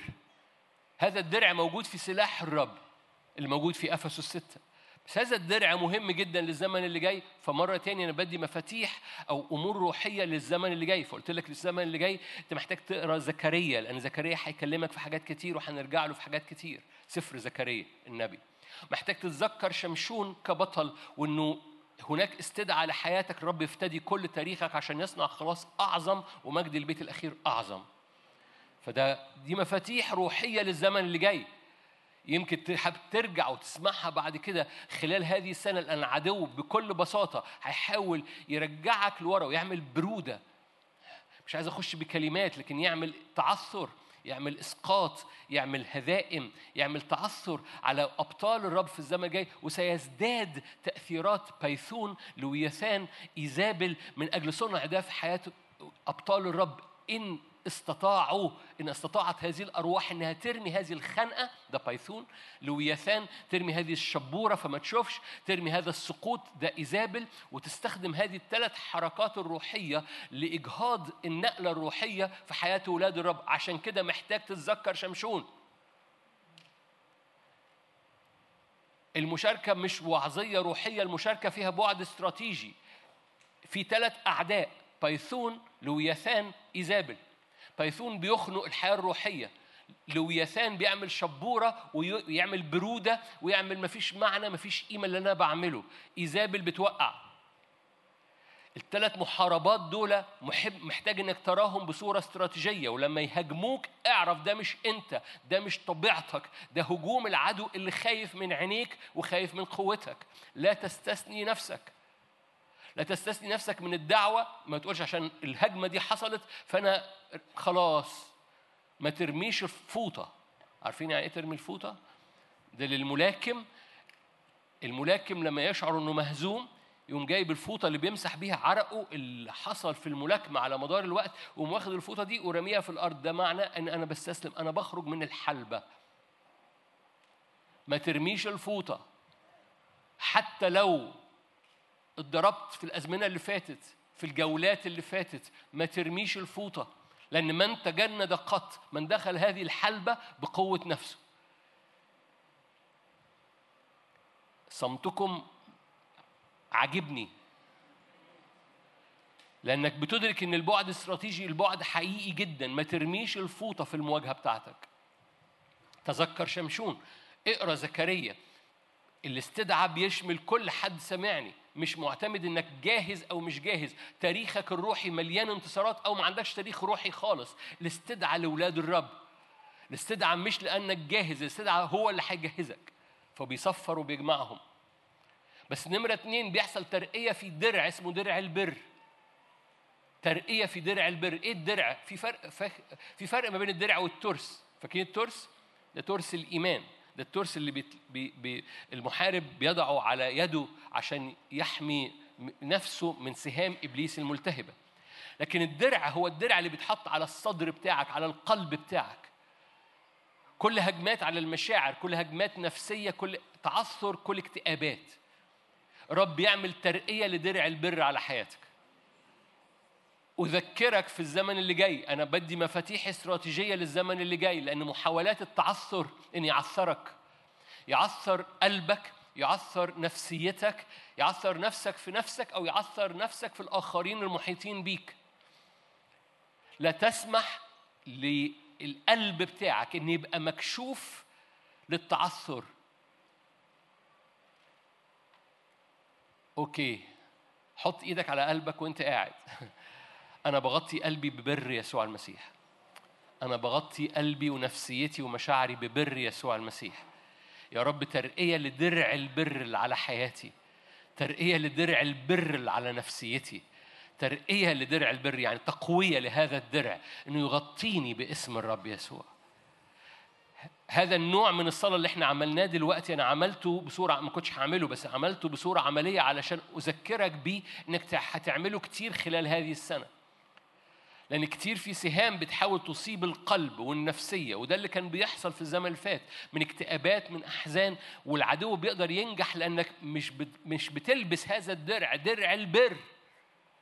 آه في ترس اسمه ترس الإيمان بس في درع شوف الرب مغطي قلبك بطبقتين طبقة الإيمان بس الطبقة اللصيقة لقلبك ولمشاعرك ولنفسيتك اسمها بر المسيح. بر المسيح. حتى لو مش مدرك أبعاد كتيرة عن البر كل ما هتكرر إيمانك بغطاء قلبك وبترقية هذا الدرع في حياتك تزداد سمكته في حياتك كل ما تزداد صلواتك من أجل هذا البر كل ما هيزداد إعلان هذا البر فيك. كتاب مقدس في العهد القديم لم أنا قلت لك الآية دي درع البر ده في أفسس الستة ده سلاح جزء من سلاح الله الكامل اللي بيغطيك. لكن الكتاب المقدس لما حكى عن عن هذا البر قال ده يسوع المسيح ده غصن البر. ينبت لكم غصن للبر. يسوع المسيح هو غصن البر هو برك. كان زمان في ترنيمة هو بري قداستي. الرب هو برك عشان كده الغطاء اللي انت بتغطيه مش برك الشخصي. انت بتضع يدك على قلبك. في بعض الاحيان في العربية في بعض الاحيان في الهجوم تحصل هجوم كده عليك في ال- على السرير ولا على أوضتك وتبقى قاعد ويحصل كده زي صراع. من فضلك ادرك كون استراتيجي في درع لحضرتك. في ترس اسمه إيمان. بس في درع اسمه درع البر. ويحصل تقوية لهذا الدرع لأنه صنعوا برا. علشان يحصل بر حواليك أنت محتاج تعمل شغل تصنع. يعني إيه؟ في دور عليك لت... ل... إنك تعمل ابلكيشن تطبق هذا البر عمليا في حياتك. وأول جزء من ده إنك بتعلن بر رب يغطي قلبك ونفسيتك ومشاعرك. اشعيا 59 أنتوا هنا؟ في نقلة في درع البر اللي على حياتك. وهذه النقلة بتعمل نقلة في فهم قلبك عن البر. القلب بيفهم. أشعيا 59 أنا برضو مش بقرأ آيات لعظة روحية. أنا بشارك مشاركة لاستراتيجية روحية لحياتك في الزمن اللي جاي. على مستوى شمشون ما تبصش لورا لأن مفيش استثناء مفيش تخلية في الحرب. رب سيطلق قوتك رب يفتدي تاريخ أبطاله. على مستوى قلبك ومشاعرك ونفسيتك لا تسمح للتعثر أيا كان نوع العثرة جاي من فين. احفظ قلبك ومشاعرك أي اكتئابات أي أحزان. مفيش حد هنا ما بتجيش ويفز لأن ده جزء من اللي, اللي بايثون بيرميه في هذا الزمن. بايثون ده اللي بيعمل خنقة. أحد الحاجات اللي بيعملها يحصل خنقة على قلبك يعصر قلبك. إن كان بمخاوف إن كان بأحزان إن كان بفقدان للقيمة ايا كان النوع. محتاج تتعامل. درع البر بيغطي قلبي بيحفظ قلبي. تذكر بايثون تذكر لوياثان تذكر إيزابل واعرف إن هجمتهم على حياتك ده مش أنت. فرب يفتدي حياتي. أحل حول بيتي يقول الرب. هللويا. أوكي. دلوقتي بتكلم عن ترقية درع البر في حياتك. من فضلك معلش مرة تاني حط إيدك على قلبك. أنا قلبي متغطي ببر المسيح. مشاعري متغطية ببر المسيح. بر المسيح يغطي أفكاري. بر المسيح يغطي مشاعري بر المسيح يغطي فهمي. فأنا بغطي فهم قلبي ببر المسيح. لا اكتئاب لا أحزان لا خنقة من بايثون ولا شبورة من لويثان ولا ها مش سقوط بس ولا مصيدة من إيزابل. باسم الرب يسوع. أنا ليه بعمل كده؟ عشان تتعود إنك تعمل كده في أوضتك لوحدك وتخرج هذا الصوت تكون استراتيجي وراء الرب. أشعيا 59 آية 17 لبس البر كدرع وخوذة الخلاص على رأسه. لبس ثياب الانتقام كلباس واكتسى بالغيرة كرداء. ده مين؟ ده الرب يسوع نفسه. دي نبوة أشعيا بيتنبأ عن الرب يسوع. خلي بالك هذه الثياب اللي أنت عارفها في أفسس الستة خوذة الخلاص ودرع البر وكل الحاجات دي يسوع أعطاها ليك لأن دي الثياب بتاعته. هللويا. من تجند قط؟ تذكروا الآية دي. من تجند قط إيه؟ فحتى هدومك في الحرب هو بيخلعها وبيديها لك. لأنك مش بتحارب بقوتك ولا بهدومك ولا ب... ولا بمسحتك. أنت بتحارب بقوته بمسحته بثيابه وبخلاصه وبافتدائه. أنتوا هنا؟ ده ده وقت فعلا تعظم فيه الرب. ممكن تعظم الرب. أنا عارف أنا بتكلم بجد فأنتوا كده الدنيا بجد. ممكن تعظم الرب. ما زال احتفال يعني. ما زال هو احتفال. بس احتفال أبطال أوكي؟ احتفال ناس الرب إيه؟ صفر لهم. احتفال ناس الرب صفر لهم وبيجمعهم ويملاهم حصاد وبينادلهم هلم خارجا لعازر هلم خارجا. أوكي؟ فالرب دي ثيابه لبس البر كدرع.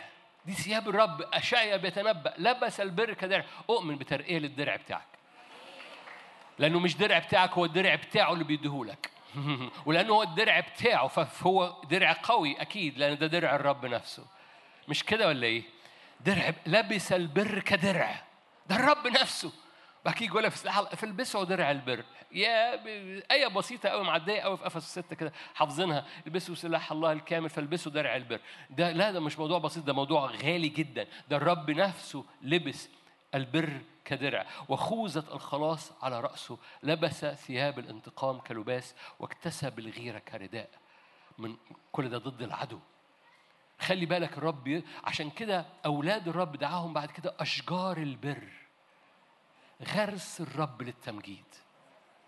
فرب يغطي حضرتك ببره عشان انت حضرتك تبقى شجرة بر درع البر يزداد في حياتك. يا رب تنور. زكريا فاكرين زكريا؟ فاكرين إن هذا السفر له علاقة بهذه السنة شوية؟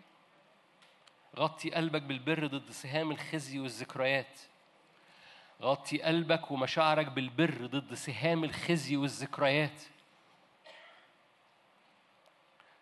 غطي قلبك بالبر من سهام الخزي من سهام ذكريات سلبية. أي أشخاص فقدتهم خلال الوقت اللي فات وبتعود ذكريات مؤلمة إن ما حصلش استجابة لصلوات. غطي قلبك بالبر من ذكريات الخزي أو الخوف أو الهزيمة. زكريا ثلاثة إصحاح مشهور جدا. لأن مقاومة إبليس يقول لك وقف الشيطان ليقاوم وقوف يهوشع قدام الرب. يهوشع الكاهن العظيم قائما قدام ملاك الرب والشيطان قائما عن يمينه ليقاومه. قال الرب لأن مفيش مفيش جندية بنفقة نفسك. قال الرب للشيطان لينتهرك الرب يا شيطان. كان يهوش لابس ثياب قذرة واقف قدام كلكم عارفين هذا الشاهد. زكريا سفر مش بس الشواهد المشهورة فيه ثلاثة وأربعة لكن زكريا كسفر محتاج يتقري هذه السنة أو تخلي الرب يكلمك من خلاله. انزعوا عنه الثياب القذرة. أجاب وكلم الواقفين قدامه الآية أربعة. انزعوا عنه الثياب القذرة. قال له انظر قد أذهبت عنك إثمك. ألبسك ثياب مزخرفة. ليضع على رأسه عمامة طاهرة. الرب غطى يهوشع من هذه المقاومة برداء مختلف رداء البر. الرب يثبت وقفتك في الزمن اللي جاي برداء اسمه رداء البر. رب يثبت سلطانك في الزمن اللي جاي بدرع اسمه درع البر. درع البر مهم جدا في الزمن اللي جاي صدقني بليز من فضلك. دائما ذكر نفسك بدرع البر واحمي مشاعرك. في اسم الرب يسوع.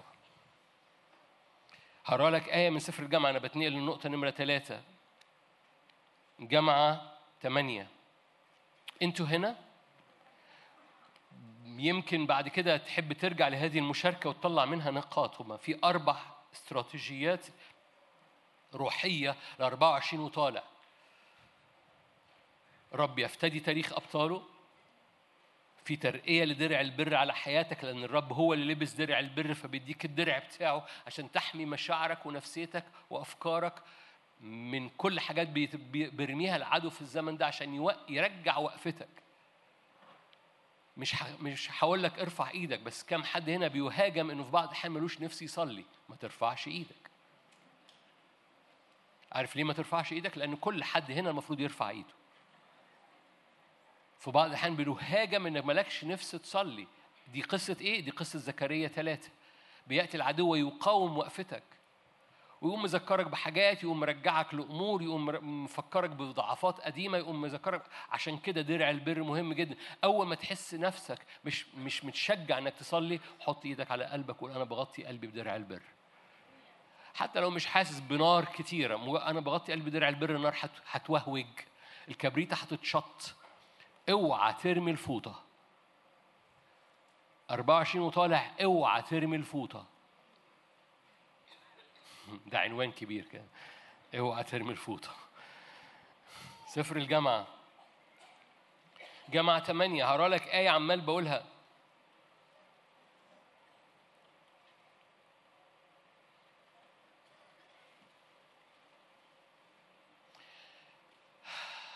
جامعة 8 هقرا من أول آية خمسة بس أنا عايز آية 8 فهقرا من خمسة. حافظ الوصية لا يشعر بأمر شاق.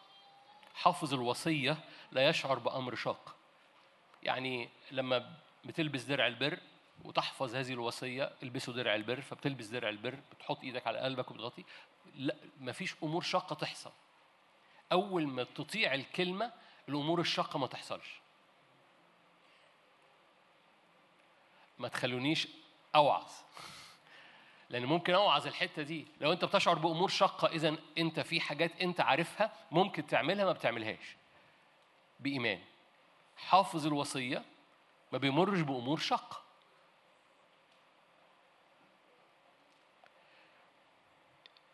أنا قلت لكم أنتوا جمال. أنتوا جمال قوي وشكوا جميل. محتاج سيلفي عام. لأن وشوشكم بتقول أنا بشعر بأمور شاقة. حافظ الوصية لا يشعر بأمر شاق. والحكيم يعرف الوقت والحكم. لأن لكل أمر وقت وحكم. لأن شر الإنسان عظيم. آيات عجيبة جدا بس جميلة جدا مليانة حكمة. قلب الحكيم هرجع لها. قلب الحكيم يعرف الوقت والحكم. لأن لكل أمر وقت وحكم. لأن شر الإنسان عظيم. لأنه. لا يعلم ما سيكون. لأنه من يخبره كيف يكون؟ هتشوف حالا ليس الإنسان سلطان على الروح ليمسك الروح لأن الروح تهب حيث تشاء. ولا سلطان على يوم الموت ولا تخلية. أنا عمال بقول الآية دي من أول مشاركة.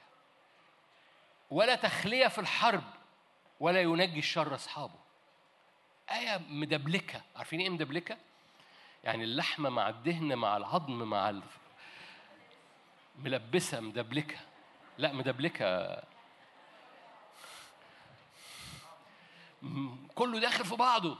بس الرب الروح القدس هو اللي بيعمل آيات زي كده عشان مليان حكمة عشان تبحث وراه لأنه لأن مجد الرب للي بيبحثوا وراءه سر الرب لخائفيه وعهده لتعليمهم ف- فهرجع اخد الآيات دي من ورا لقدام. أول معنى اللي إحنا شغالين فيه النهارده لا تخلية في الحرب.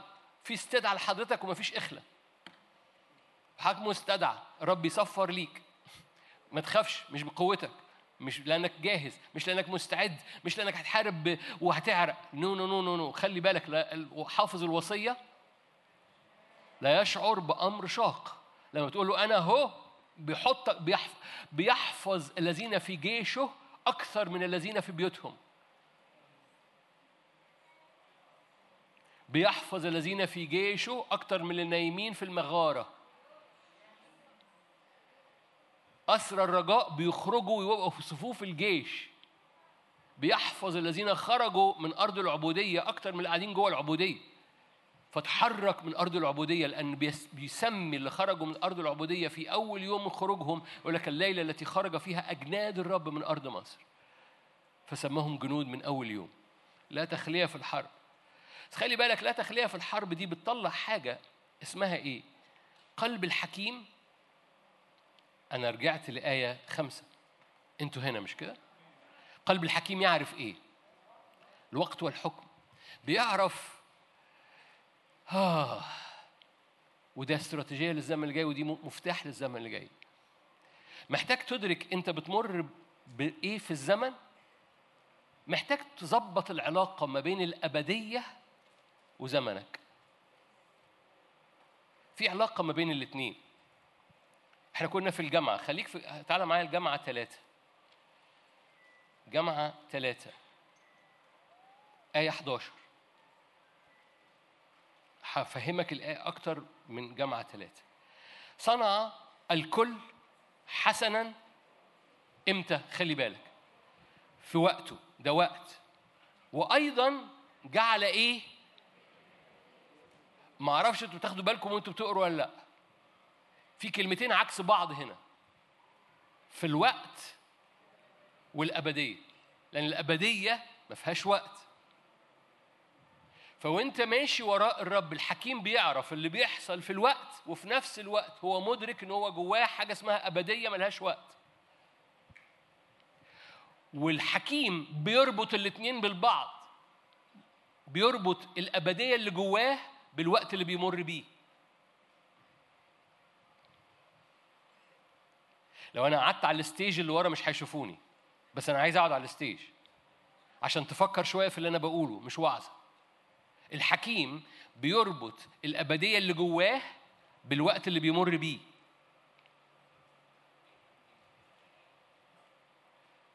جعل الكل حسنا وأيضا يعني ما, ما, ما تعملش مع إن كل حاجة تبقى كويسة في وقتها لكن أيضا في حاجة تانية عشان تكمل الصورة. جعل إيه في قلبك؟ فبيقول لك في الوقت هعمل وجواك هحط أبدية عشان تربط الأبدية اللي جواك بالوقت اللي أنت بتمر بيه. مش هتعرف تنتصر في الوقت اللي أنت بتمر بيه لو ما أدركتش الأبدية اللي جواك. والأبدية اللي جواك لها تأثير في الوقت أو في الزمن اللي أنت بتمر بيه. قلب الحكيم يعرف الوقت ويعرف إيه الحكم الأبدي الموجود جواه. الرب أكمل العمل ليك واقف في الأبدية بينادي عليك عشان تعيش وقتك بقوة الأبدية اللي هو خلصها لك. حط الأبدية جواك. خلي بالك أنت أنت عجيب جدا أنت برنامج عجيب جدا أنت جهاز عجيب جدا. أنت عايش في الزمن بس اللي جواك حاجة بتكسر الزمن. اسمها الأبدية. كاني عايز أجي اوصل لغاية اخر صف أقول لك انت فاهم ال- الواقف على الستيج ده بيقول إيه؟ ده هيجعل كل شيء حسنا في وقته. فيقول لك ما تقلقش أنا ساجعل وانت ماشي ورايا سأجعل كل شيء حسنا في وقته. ففي الوقت في الموسم هعمل لك كل هرتب كل أمور كل أشياء تعمل معا للخير الذين يحبون الرب المدعوين حسب قصده. كل الاشياء في حياتك ستعمل معا للخير هجعل كل شيء حسنا في وقته. في, الوقت في الموسم في الشهر في شهر يناير 24 هجعل كل شيء حسن. بس خلي بالك أيضا أنا حاطط حاجة جواك بره الزمن بره يناير وبره فبراير وبره 24 اسمها الأبدية جواك. وخلي بالك الاثنين يجب إنهم يمشوا مع بعض الأبدية والوقت برغم إن هم عكس بعض. لأن لو أنت عايش بالأبدية اللي جواك في الوقت اللي أنت بتمر بيه هتنتصر يوم ورا يوم ورا يوم ورا يوم بقوة الأبدية في اليوم. آه محتاج تربط الاثنين ببعض لأن الرب ربطهم ببعض. خلي بالك أنا جايب لك آية من العهد القديم هجيب لك آية من العهد الجديد. لأن خل... هتدرك حاجة إبليس هيحاول يعملها. دي استراتيجية إبليس بيحاول يعمل عكسها في الزمن اللي جاي. بس قبل ما احس أبص على استراتيجية إبليس. كورنثوس الثانية أنتوا هنا؟ حد مش هنا يرفع إيده. حدش رفع إيده يبقى أنتم مصحصحين كورنثوس الثانية كورنثوس الثانية أربعة. خفة ضيقتنا الوقتية. آية 17 كورنثوس الثانية أربعة. 17 خفة ضيقتنا الوقتية تنشئ لنا أكثر فأكثر تقل مجد إيه؟ ففي حاجة وقتية وفي حاجة أبدية. والاثنين مع بعض لازم يتقابلوا مع بعض. الأبدية ووقتك لازم يخبطوا مع بعض. أنت عندك الصلاحية أنك تستخدم هذه الاستراتيجية. الأبدية في قلبك وأنا في شهر فبراير 24 فده وقت ودي أبدية بره الوقت. الرب في الأبدية ليك خلص كل شيء وقال قد أكمل على الصليب. بس بينادي عليك تعالى بقى تعالى. طب عيش أ- أ- أنا أنا موجود في 24 وأنت في الأبدية. no no no no في أبدية جواك. تعالى بقوة الأبدية اللي جواك عدي 24 تعالى بقوة الأبدية اللي جواك انتصر وادخل إلى أراضي جديدة في 24 على كل إحباطات يا شمشون على كل ذكريات قديمة على كل جاي بجزيه على كل أمور ع- حاجة اتقلعت عينيك تعالى بقوة الأبدية لأن الأبدية موجودة جواك في الوقت. كمل معايا. نحن غير ناظرين إلى الأشياء التي ترى بل التي لا ترى. التي ترى إيه؟ موجودة في الوقت موجودة في فبراير موجودة في مايو. أما التي لا ترى فإيه؟ فهي مش موجودة في الزمن. فأنت بتتحرك في الزمن بقوة مش موجودة في الزمن. الأبدية والوقت بيشتغلوا مع بعض. ليه؟ لأن عدو الخير هيحاول يلخبط وقتك من الأبدية. تقول لي فين دي؟ أقول لك دانيال سبعة. أنتوا هنا؟ هللويا. دانيال سبعة. أنا أنا قربت أختم ما تقلقش. دانيال سبعة. دانيال سبعة. ده ده ده ده ده مواجهات الأزمنة الأخيرة. ضد المسيح 25 دانيال 7 25 يتكلم بكلام ضد العلي. يتكلم بكلام الصلاة ما بيجيبش نتيجة. يتكلم بكلام انت بارد ويعمل شكاية عليك ويعمل شكاية على الرب ويعمل تعثر لنفسيتك ولإيمانك. أيا كان نوع التعثر. تعثر في الثقة تعثر في الاستجابة تعثر في نفسك تعثر في الرب تعثر في الآخرين المحيطين بيك. أيا كان نوع العثر. عشان كده درع البر لازم إنه يبقى سميك. درع البر بيغطي مشاعرك وقلبك. يتكلم بكلام ضد العلي. لو استقبلته فبيبلي قديسي العلي فيحصل إبلاء إنهاك. آه مش قادر أتنفس. آه ده بايثون أنا مش شايف رؤية مش شايف أي حاجة. آه ده لوياثان. أنا برجع الأركان الضعيفة. آه دي إيزابل. فيبلي قديسي العلي. عشان كده درع البر عشان كده لا تطرح ثقتك. عشان كده الرب بيفتدي تاريخك. كمل معايا. يتكلم بكلام ضد العلي ويبلي قديس العلي ويظن. حلو قوي يظن دي. يظن أنه يغير الأوقات دي الأزمنة والسنة دي أمور أبدية دي كلمة الرب. يظن أنه يغير الأوقات والتشريعات الإلهية. العدو في الأزمنة اللي جاية بيظن أنه يغير أوقاتك. إزاي بيغير أوقاتك؟ من خلال تغيير الشريعة الإلهية قدام عينيك يغير الأوقات والسنة. لو العدو بيحاول أن يغير الأوقات والسنة اذا المؤمن يجب أن يحفظ الأوقات والكلمة. الكلمة دي أبدية ووقته ده ده اللي بيمر بيه النهارده. خليني أسألك سؤال أديك واجب تعمله كده. انت بقى مش مش من خلال هذا الاجتماع انت خلال الزمن اللي جاي هو الرب عايز يعمل إيه معايا أول أربع شهور من السنة اللي جاية واكتب. إيه الموسم الروحي اللي الرب عايز يطلقه في يناير وفبراير؟ واسمع. اسمع الأبدية عايزة تعمل إيه في وقتك؟ آه يا ريتنا في اجتماع من اجتماعات السبت أو الاربعاء كنت قعدت على الستيج. أنا ما بقعدش اسمع واستقبل من الرب. الأبدية عايزة تعمل إيه؟ في المرحلة في الزمن. لأن الأبدية بتأتي لوقتك قلب الحكيم بيعرف الوقت يحصل فيه إيه؟ وإيه الحكم الأبدي على هذا الوقت. ليه؟ لأن عدو الخير يظن أنه يغير وقتك من خلال أنه يغير الكلمة اللي على حياتك. دور المؤمن أن يحفظ الكلمة على حياته فيحفظ وقته.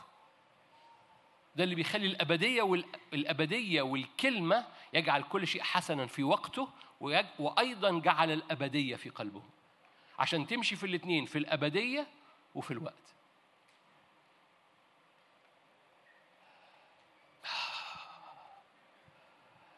اللي ماشيين في الأبدية وفي الوقت إبليس ما بيعرفش يلخبط لهم الدنيا لأن هو بيظن إنه ممكن يغير لك لأن هو لو غير الأبدية والحكم الأبدي على حياتك فغير وقتك بيعرف يلخبط المسير كله بيعمل شبورة بيبلي قديس العلي. لما أولاد الرب بيحفظوا الكلمة الأبدية هو بيعمل إيه؟ في الوقت فبيحفظوا الاثنين مع بعض. بي... أكمل معاك دانيال يقول لك كده فتعطى المملكة لشعب قديس العلي. آية 27 المملكة والسلطان وعظمة المملكة تحت كل السماء تعطى لشعب قديس العلي ملكوت ملكوت أبدي وجميع السلاطين إياه يعبدون ويطيعون. طبعا دي نبوة لها علاقة بأزمنة بس أنا باخد المعنى الروحي بتاعها. أنا عارف النقطة دي بتحشر في بعض أحيان بس أنت محتاج تدرك المعجزة. جواك أبدية ده بره الزمن بس أنت عايش في الزمن. والرب يقول لك انت ممكن تعيش في الزمن بقوة الأبدية اللي موجودة جواك بل بالعكس انت لازم تطبق الاثنين مع بعض. أذكرك بجامعة ثلاثة مرة تاني عشان يجعل كل شيء حسنا في وقته في حياتك بيحط الأبدية في قلبك. عشان بدون الأبدية دي ما بتعرفش ربنا بيعمل إيه في الزمن.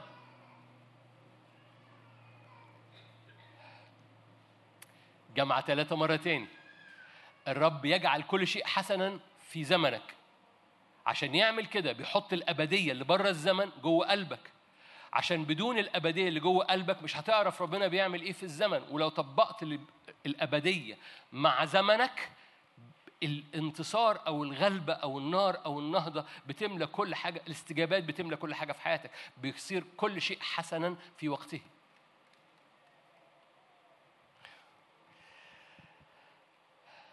خد عناوين زمنك من الأبدية اللي ساكنة جواك. خد ورقة في البيت النهاردة بالليل وخد عناوين الأزمنة بتاعتك من الأبدية اللي ساكنة جواك. خلي الأبدية تعمل الخريطة بتاعت 24 دايما الناس في أول 24 يقول لك، آه أوكي من أول أنا هقرأ الإنجيل من أول سفر التكوين. وهحضر مش عارف إيه وهعمل. ده رائع إنك تاخد قرارات زي كده. بس خلي بالك ممكن في خ... في نتيجة تانية تطبق على حياتك. الرب الأبدية عايزة تعمل إيه كل مرحلة؟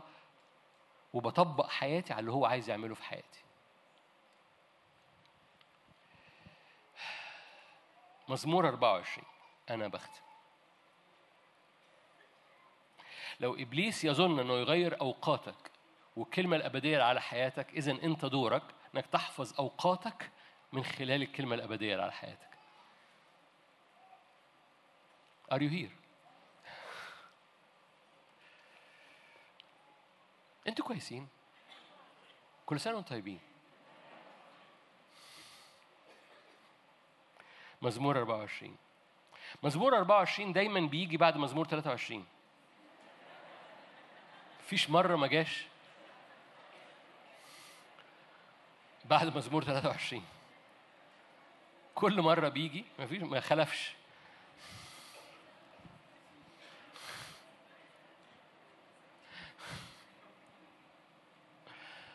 حط ابتسامة انت تشوف الوشوش مخضوضة إزاي ما حط ابتسامة شوية. فاكرين مزمور 23 الرب رعية. مزمور 24 مش الرب رعية.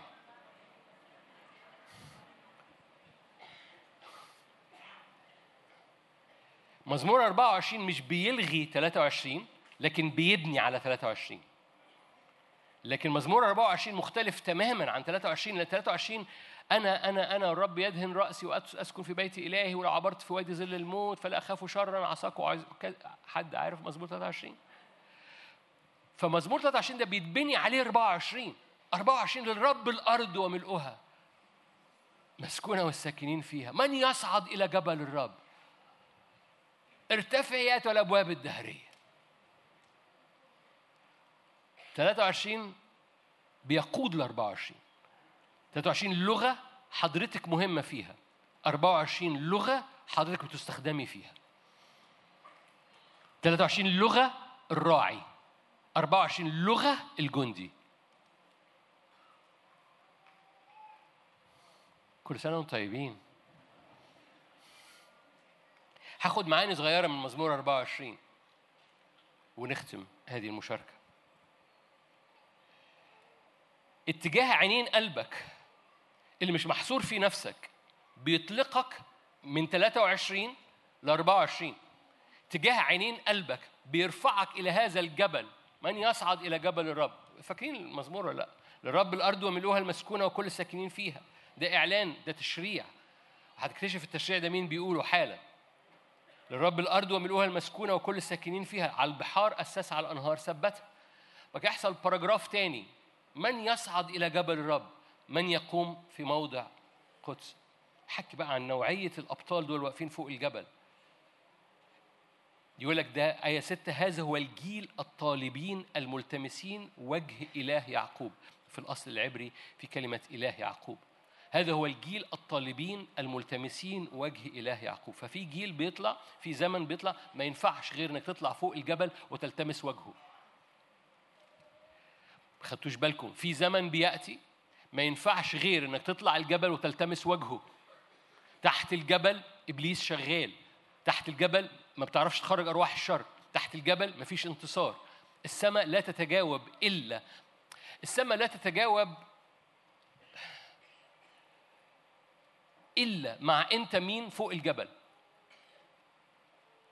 والأرض لا تستجيب إلا مع رحلاتك اللي أنت بتعملها فوق الجبل أو في السماويات.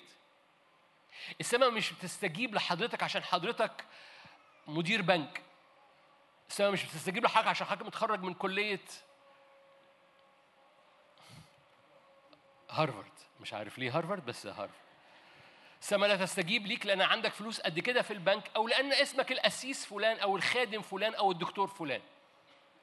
السماء بتستجيب فقط لمشاويرك الروحية اللي بتقطعها قدام الرب في السماويات. لو بتقطع مشاوير روحية في السماويات وليس لك اسم في الخدام إبليس بيهرب منك. لو مش بتقطع مشاوير روحية في السماويات وليك اسم في الفضائيات الروحية إبليس مش هيضحك. الأرض تستجيب فقط لرحلاتك الروحية اللي في السماء ل- لوقفاتك أو مشاويرك أو أو المشاوير الروحية اللي بتقطعها قدام الرب. عشان كده قال عشان الأرض الرب الأرض وملؤها عشان حد يرفع آية سبعة ارفعنا ايات الأرتاج رؤوسكن ارتفعنا ايات الأبواب الدهرية فيدخل ملك المجد. عشان تقول يدخل ملك المجد في أبواب أبواب مدينة أبواب بيت أبواب خدمة أبواب حياتك وترى حصاد أو استجابة لهذه الصلوات الأرض لا تستجيب إلا للقاطعين رحلة روحية في السماويات قدام الرب. عشان كده إبليس وقف قدام يهوشع عشان ما يمشيش الرحلة الروحية دي. فاكرين لما لبس ثياب البر؟ قال له حديك مسالك بين الواقفين قدامي يعني حديك إنك ترتحل رحلة روحية قدامي قدام العرش فوق الجبل لأن الأرض هتستجيب للي عنده مسالك بين الواقفين قدام الرب. ورب يفتح مسالكه لحضرتك. لأن الأرض لا تستجيب إلا مع اللي بيقطعوا رحلة روحية في السماويات. هويتك في السماء هي أهم من هويتك في الأرض. إنك تبقى معروف قدام الرب أهم من إنك تبقى معروف في الأرض.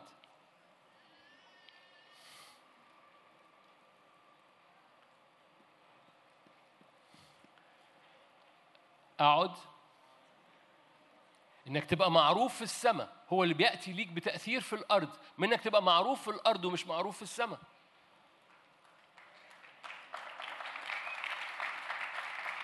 عشان كده في السماء هتفاجئ الناس ما تعرفهاش. هم أبطال. وناس تعرفها مش أبطال. لأن الحركة الروحية أو الحركة المسيحية عشان كده بقولها مش روحية، الحركة المسيحية هتنقسم إلى يا إما تسلية للناس لأنها فيها مفيش رؤية يا إما إلى اختراقها واعلان الملكوت. يا إما شمشون بيلعب عشان يس- يسلي الناس يا إما استرد رؤيته واسترد قوته يصنع خلاص عظيم.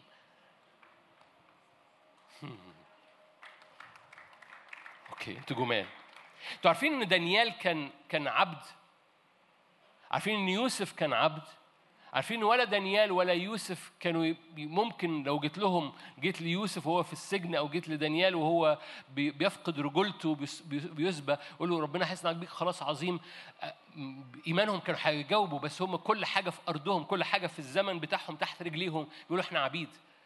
لكن لأن دانيال ويوسف أدركوا هم إناء للكرامة نافع للسيد. أنا بطلع فوق الجبل أنا بع- بعمل رحلتي فوق مش مهم اللي بيحصل في تحت. ليه؟ لأن الأرض هتتجاوب مع رحلتي اللي بتحصل فوق. دانيال كان بيفتح النافذة ثلاث مرات خلال تجاه بيت الرب. يوسف كان طول الوقت مصدق في في ال- في الدعوة اللي على حياته. لم يفقد رؤيته. ما زال جواه الحلم. لم يفقد عينيه. ما قلعوش عينيه. قلعوا منه كل حاجة ما قلعوش عينيه. ولأن الاثنين دول حفظوا أدركوا هو أنا أنا أحفظ حياتي لأن أنا بقطع رحلة روحية قدام الرب. ما ينفعش أبهدل الرحلة الروحية وألعب تحت لأن الأرض هتتجاوب مع رحلتي اللي حاصلة قدام الرب. فدانيال قطع رحلة قدام الرب رغم إنه عبد. تقول لي أنا ظروفي كده أقول لك أه اقطع رحلة فوق, فوق ما, ما, ما, ما تشغلش تحت.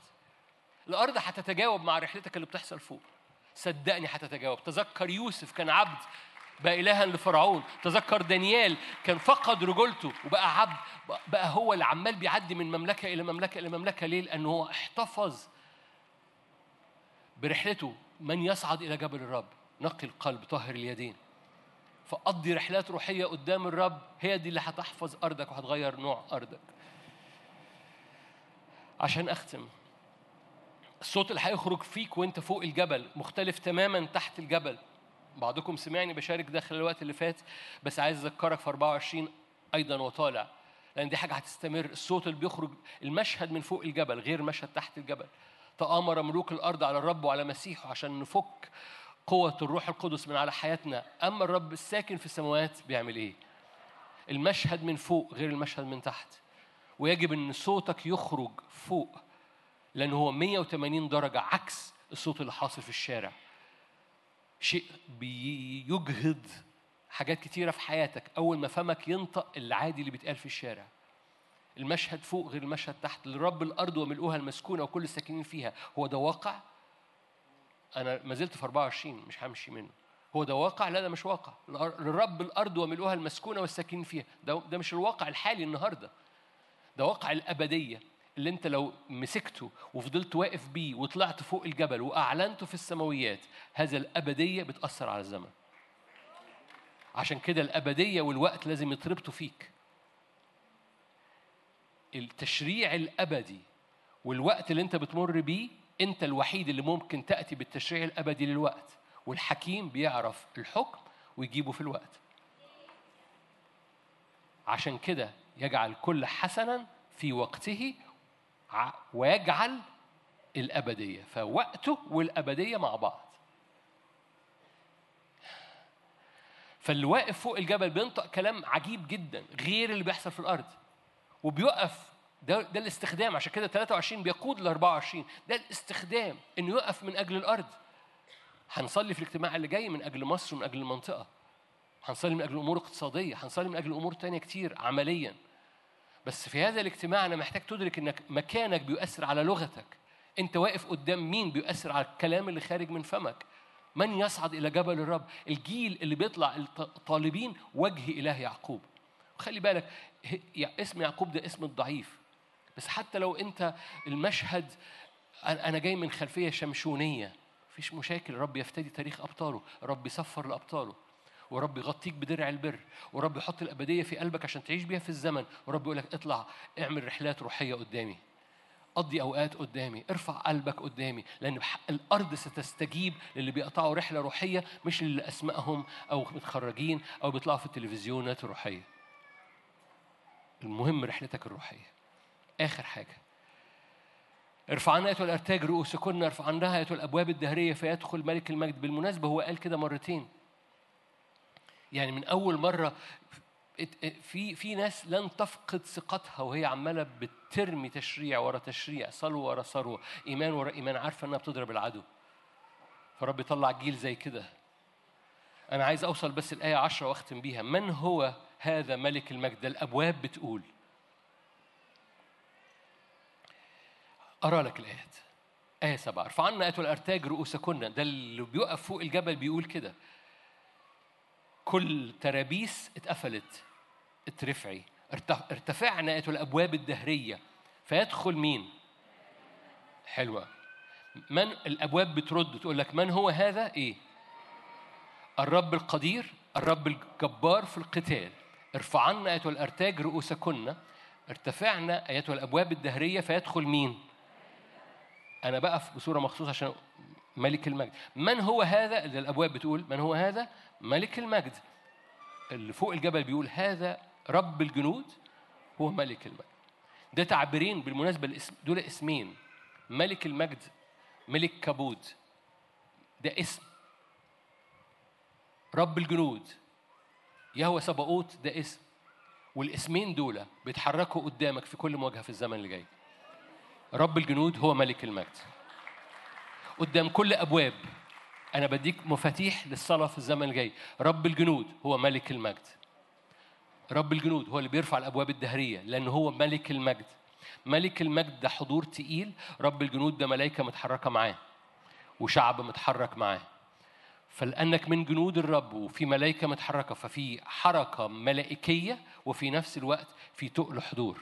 الرب الجنود هو ملك المجد. هو الصاعد قدامك. هو اللي بيخليك تقول يرتفع عنايات والأبواب الدهرية. ليه؟ لأن رب الجنود هو ملك المجد. ده تعبير مهم في مواجهاتك. تعبير مهم في 24 مش عشان سنة 24 يبقى مزمور 24 بس في نقلة من 23 ل 24 في حياتك. وهذه النقلة نقلة استخدام عشان تقف برب الجنود. هو ملك المجد هو اللي بيرفع أبوابك الدهرية. أمين. مفاتيح روحية صغيرة هنصلي بيها وناخد بريك. نخش على الاجتماع اللي جاي. خلونا نغمض عينينا ونصلي مع بعض.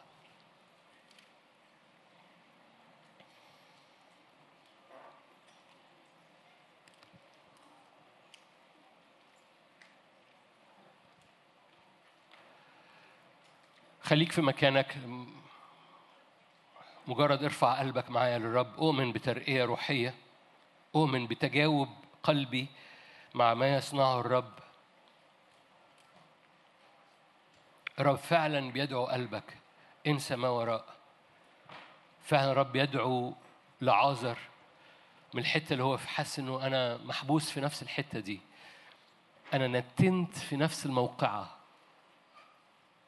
أنا ما زلت زي ما أنا زي مؤاب يقول لك بقيت رائحته فيه. ما زال رائحة الموت بترجع تاني ما زال رائحة الخطية بترجع تاني ما زال رائحة الضعف أو الخوف أو الخصام اللي في البيت بيرجع تاني. بس الرب ينادي عليا هلم خارجا. اخرجوا يا أسرى الرجاء. رب ينادي. رب ينادي الأزمنة مختلفة لترقية مختلفة لعبور بوابة روحية جديدة على حياتك. قل له ها أنا ذا يا سيد. طارح كل خزي والخطية المحيطة بيا بسهولة. ها أنا ذا يا سيد.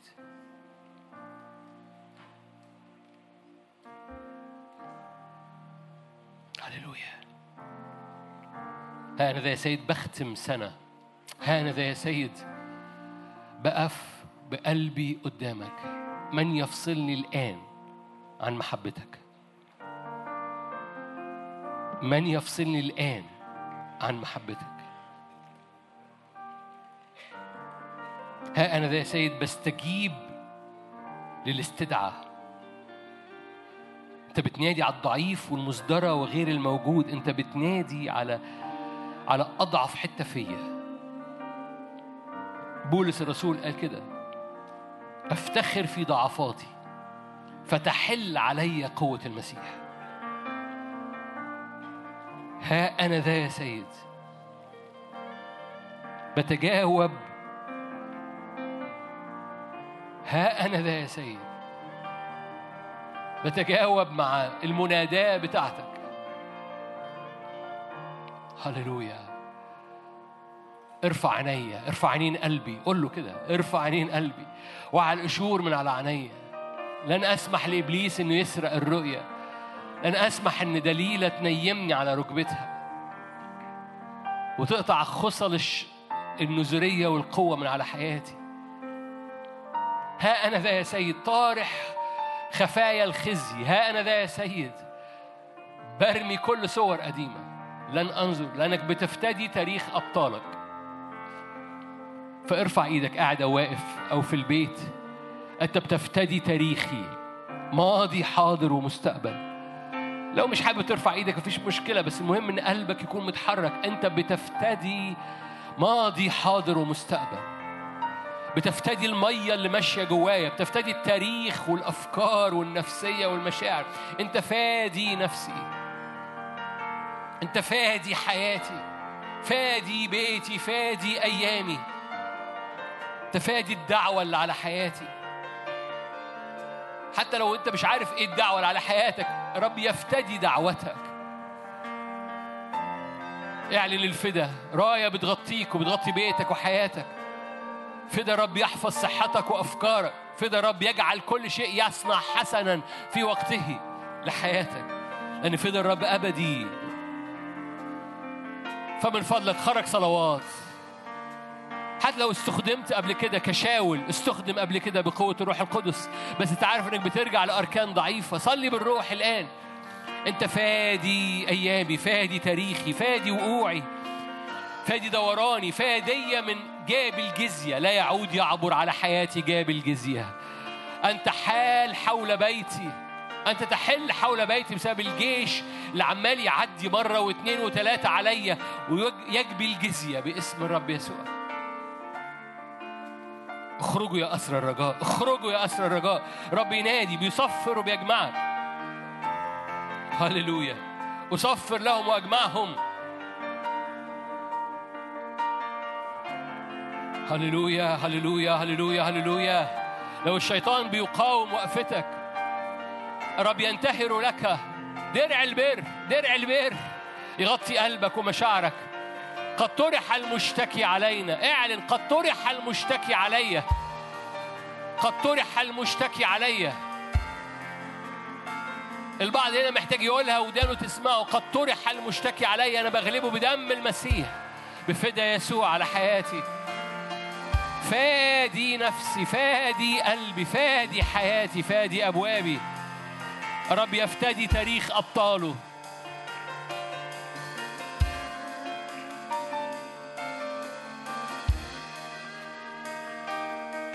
هللويا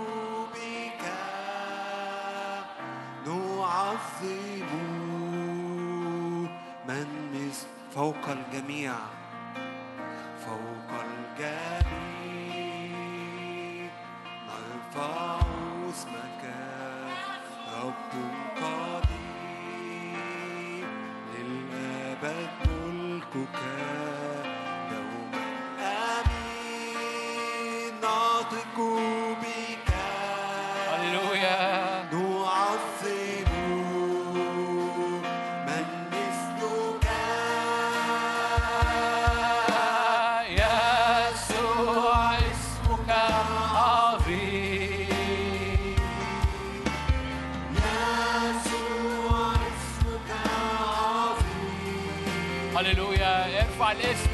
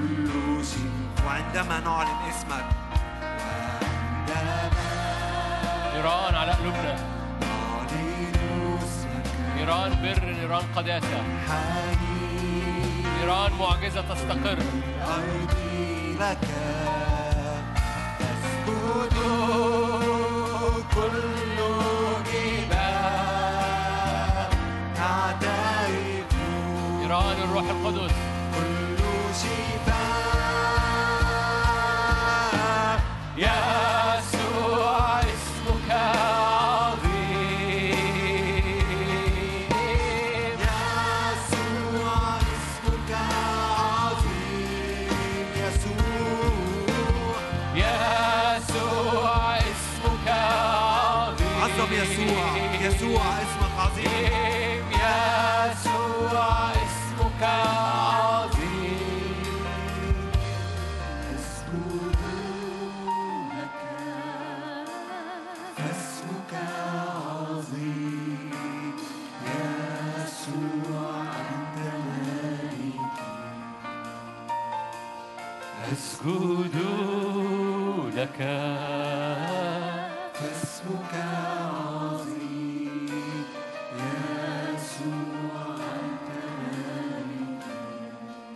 تحب ضع إيدك على قلبك. أنا قلبي بيسجد لحضورك. أنا قلبي بينحني قدام جلالك دعوتك مسحتك. وقع كل قشور. لو أي حد موجود في هذا المكان أو بيشاهد على الرؤية بتاعته قشور رماها العدو بسبب شكاية بسبب ضعفات قديمة بسبب دورانات تقع القشور الآن من على قلوبنا. تقع القشور الآن على تشجيعات الروح القدس في حياتنا. رب يدخلنا إلى أسراره لأن سر الرب لخائفيه وعهده لتعليمه. فوقع يا رب القشور من العناية باسم الرب يسوع. أنا بسكب قلبي غطي قلبي بدرع البر. صلي معايا من أجل مشاعرك غص... غ... صلي معايا من أجل مشاعرك. كل صور قديمة جواك. درع البر مجرد ردة درع البر أنا بلبس درع البر. برك يغطيني برك يغطي ذهني يغطي حياتي يغطي قلبي يغطي مشاعري. أنا بغطي حياتي بالفدا وببرك. وبصورة خاصة كل حاجات زرعها العدو في اسم الرب يسوع. فالآن كده وأنت حاطط إيدك على قلبك إيزابل ليس لك مكان في قلبي. لويثان ليس لك مكان في قلبي. بيثون ليس لك مكان في قلبي. بمعنى إيه؟ لو أنت الكلمات دي بالنسبة لك عجيبة. كل خنقة روحية ليس لك مكان في قلبي. كل شبورة روحية على حياتي وعلى دعوتي بغباء أو برجوع لورا ليس لك أو ببرودة ليس لك مكان في قلبي. كل محاولات لإسقاطي باسم الرب يسوع ليس لك مكان في قلبي. لا لخبطها. يظن أنه يغير الأوقات بتاعتك. والتشريعات اللي على حياتك. فارفع إيدك معايا وقف لو تحب تقف لو قادر تقف. رب عنده أفكار من جهتك تشريعات الرب من جهتك. عنده أحكام أبدية من جهتك. وهذه الأحكام هتحصل في وقتك. إبليس يظن أنه يغير الأحكام اللي على حياتك والأوقات اللي في حياتك. فقول أنا واقف. هللويا. أنا واقف بقوة الأبدية على أوقاتي باسم الرب يسوع. لا تغيير لا تغيير. هللويا. لا تغيير في تشريعات الرب على حياتي. رب يطلق تشريعه. أنت ابني أنت بنتي. الرب يطلق تشريعاته على حياتك. أنت أبطال للرب. ماذا أقول أيضا عن جدعون وعن شمشون وعن داوود وعن الأنبياء الذين قهروا ممالك؟ حط اسمك. جدعون حط اسمك. شمشون حط اسمك. داوود حط اسمك. قهروا ممالك صنعوا بر. أطفأوا قوة النار. فارفع إيدك معايا وقف لو قادر تقف. باسم الرب. ماذا أقول أيضا؟ من جهة جدعون شمشون باراق يفتاح داوود والأنبياء. هللويا. قهروا ممالك. صنعوا برا أطفأوا قوة النار تقووا من ضعف صاروا أشداء. أنا بصلي هذه الآية لحضرتك ولحضرتك. ماذا أقول أيضا؟ لو أنت جدعون أنت في الآية. لو أنت شمشون أنت في الآية. لو أنت يفتاح أنت في الآية. لو أنت داوود لو أنت من الأنبياء أنت في الآية. هللويا. صنعوا برا. أبطال للرب. صنعوا برا. قهروا ممالك. تقووا من ضعف صاروا أشداء في الحرب. باسم الرب يسوع. بر الرب يغطيك. أبدية الرب قوة الأبدية بتغطيك باسم الرب يسوع. ارتفعت الأبواب الدهرية. يدخل ملك المجد. ارتفعت الأبواب الدهرية. يدخل ملك المجد الرب الجبار القدير في القتال. رب الجنود هو ملك المجد. ملك المجد. نعم افتخر بالرب الآن. ارفع إيدك بإيمان باسم الرب يسوع. باسم الرب يسوع. أرفض من عليك كل سلاسل قديمة أرفض من عليك كل صور قديمة. أرفض من عليك تراب القديم باسم رب يسوع أنت بتتنقل. تتنقل من مزمور أنت بتخش مزمور 24 للرب الأرض وملؤها الساكنون والساكنين فيها. باسم الرب يسوع. أنت بتخش المزمور 24 سلطان باسم الرب يسوع.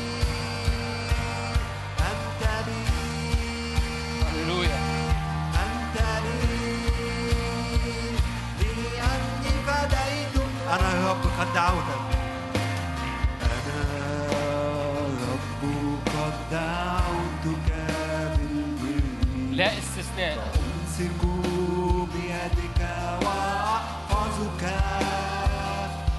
وأجعلك عهدا للشعب ونورا للأمم أنا رب قد دعوتك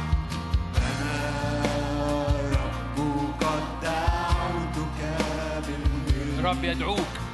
أمسك بيدك وأحفظك وأجعلك عهدا للشعب.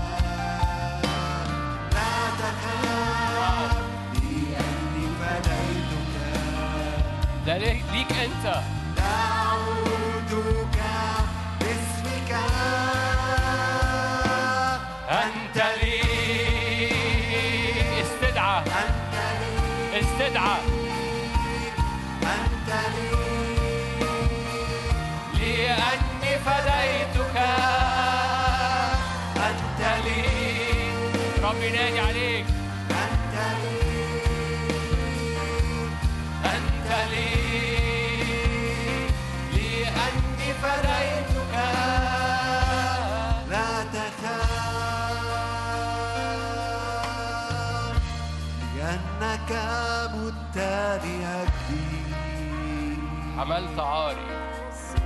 لأنك حملت عاري. هللويا. لأنك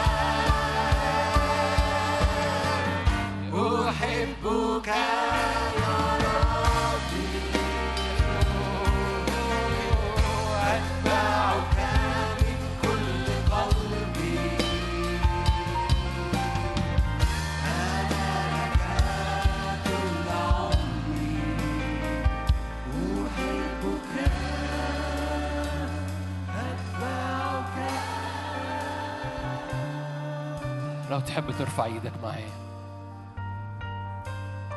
بسبب مشاويرك الروحية قدام الرب بسبب العبادة وبسبب البخور الصاعدة صلوات القديسين. رب يديك صلاحية إنك تقول ارتفعت الأبواب فترتفع. صلاحية استجابات لتغيير أبواب بيوت أبواب أزمنة أبواب مناطق أبواب خدمة أبواب بلاد. الاجتماع الجاي هنتكلم بطريقة عملية روحية نعمل إيه ونصلي إزاي. بس ببساطة المشاوير الروحية بتاعتك قدام الرب العبادة اللي خارجة. بتجعل بتديك الصلاحية إن الأرض تتجاوب مع صلواتك. كل مرة بنقول الكل ليك بنديك كل حاجة. الكامل القلب النقي اليدين الطاهر القلب. بتقطع مشاوير فوق الجبل قدام الرب. بيديك صلاحية إنك تقف قدام الأبواب الدهرية. ارتفع يا ايتها الأبواب الدهرية. فيدخل ملك المجد. إحنا ممكن نرنم ترنيمة الكل ليك. مجرد نقولها ونسكب قلبنا قدام الرب. قبل ما نختم هذا الاجتماع ونواجه الأبواب الدهرية بس مجرد الكل ليك. بتختم السنة بتقول الكل ليك في اللي جاي. بحبك بهديلك كل حاجة الكل ليك كل اللي جاي ليك بكرس كل اللي جاي ليك. خد بيتك وقول له الكل ليك. خد أوضتك وشبابك وقول له الكل ليك. خد خدمتك واسمك وتاريخك وقول له الكل ليك. خد الزمن اللي جاي 24 وقول له الكل ليك الكل ليك. أنا بدي الكل ليك. أنا بقف قدامك وبحطه قدامك لأن لن أتجند ب- بقوتي لن أتجند بقوتي مش هخش 24 بقوتي مش هخش الزمن الجاي والخدمة والأحلام والرؤى وكل أحلام جوه كثيرين وكثيرات هنا مش هخشها بقوتي. الكل ليك. مش بخدم عشان اسمي مش بخدم علشان شكلي مش بخدم علشان أي أجندة جوايا. الكل ليك. بيتي ليك أزمنتي ليك. الكل ليك. فانا بختم 24 وبرفع الكل ليك. باسم الرب يسوع. الأرض بتتجاوب بس مع رحلتك اللي فوق. الكل ليك يا رب. قدمها من كل قلبك. قولها من كل قلبك. الكل ليك. نعم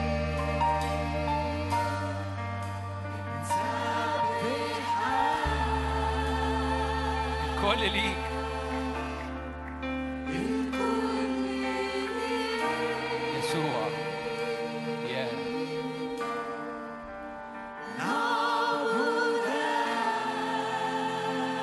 بنقدم الكل الكل ليك.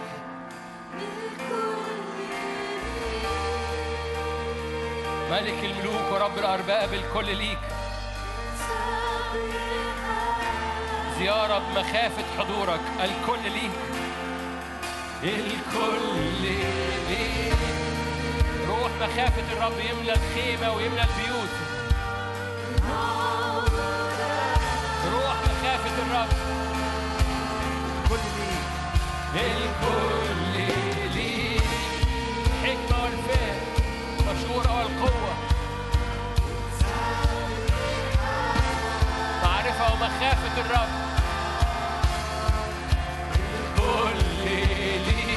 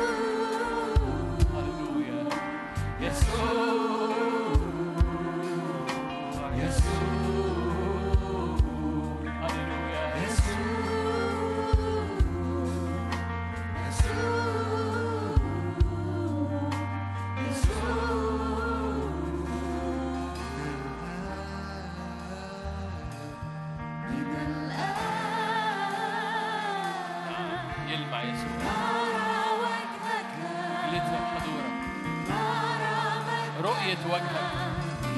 كحل عينينا رؤية. نجري وراك.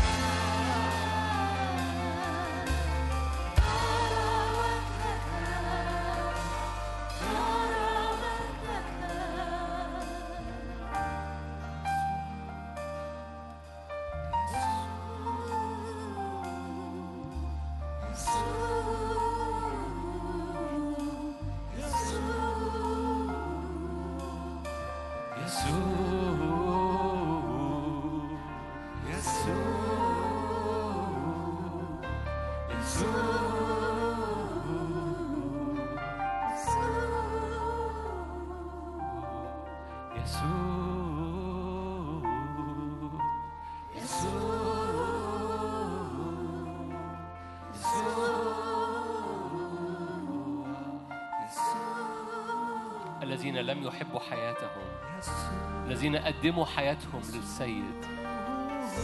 الذين استجابوا للدعوة. الذين لم ينحصروا في نفوسهم.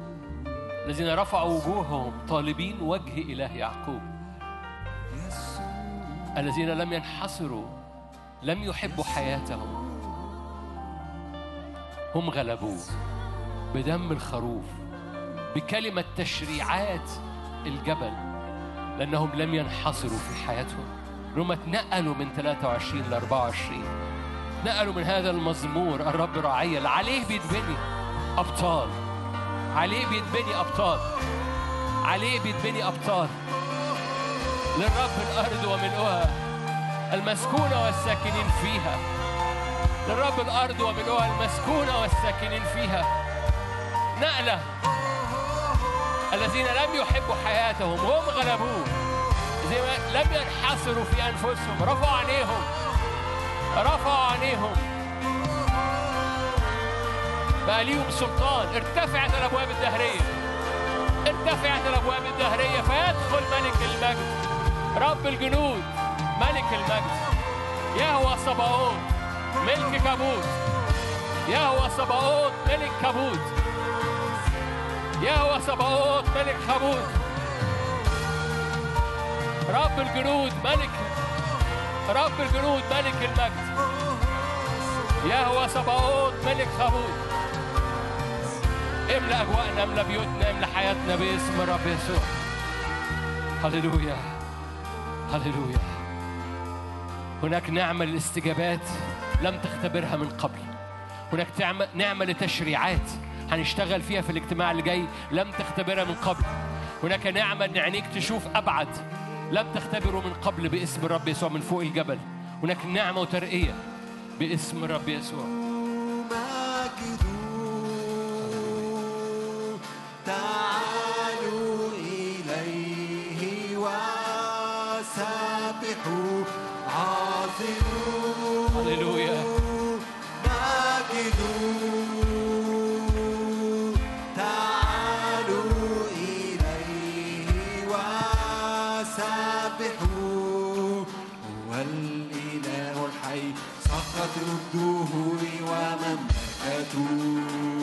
ستدوم ولن تدام هو الإله الحي سقط الدهور ومملكته ستدوم ولن رفع إليه.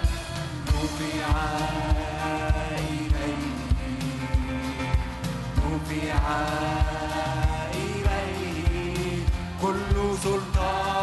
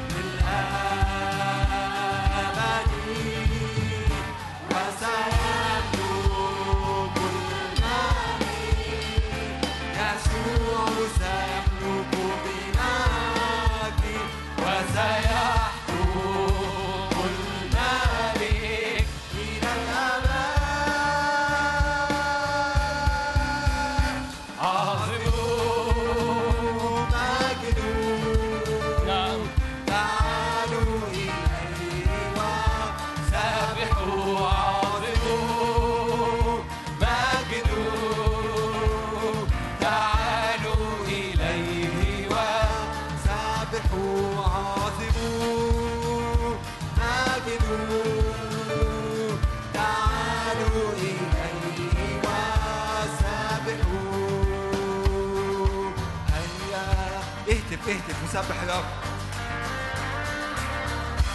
يسوع مستحق الهتاف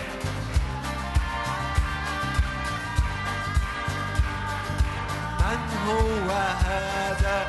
مالك المجد الرب القدير الجبار في الكتاب إن شاء الله يدنا يهوى سبعون يهوى سبعون أمامه عاصف ورايا.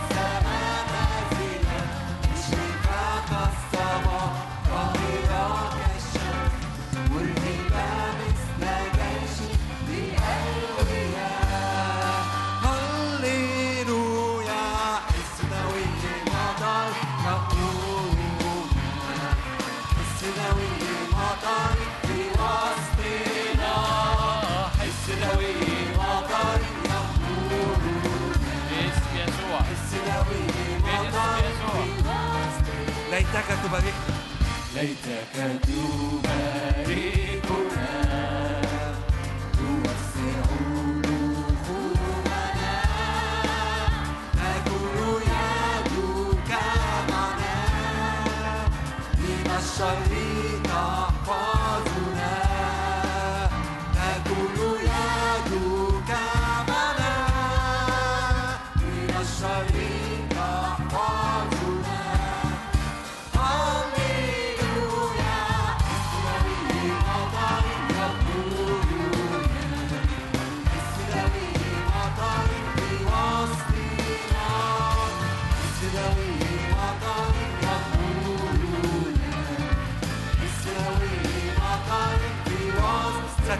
شباكنا وتملأ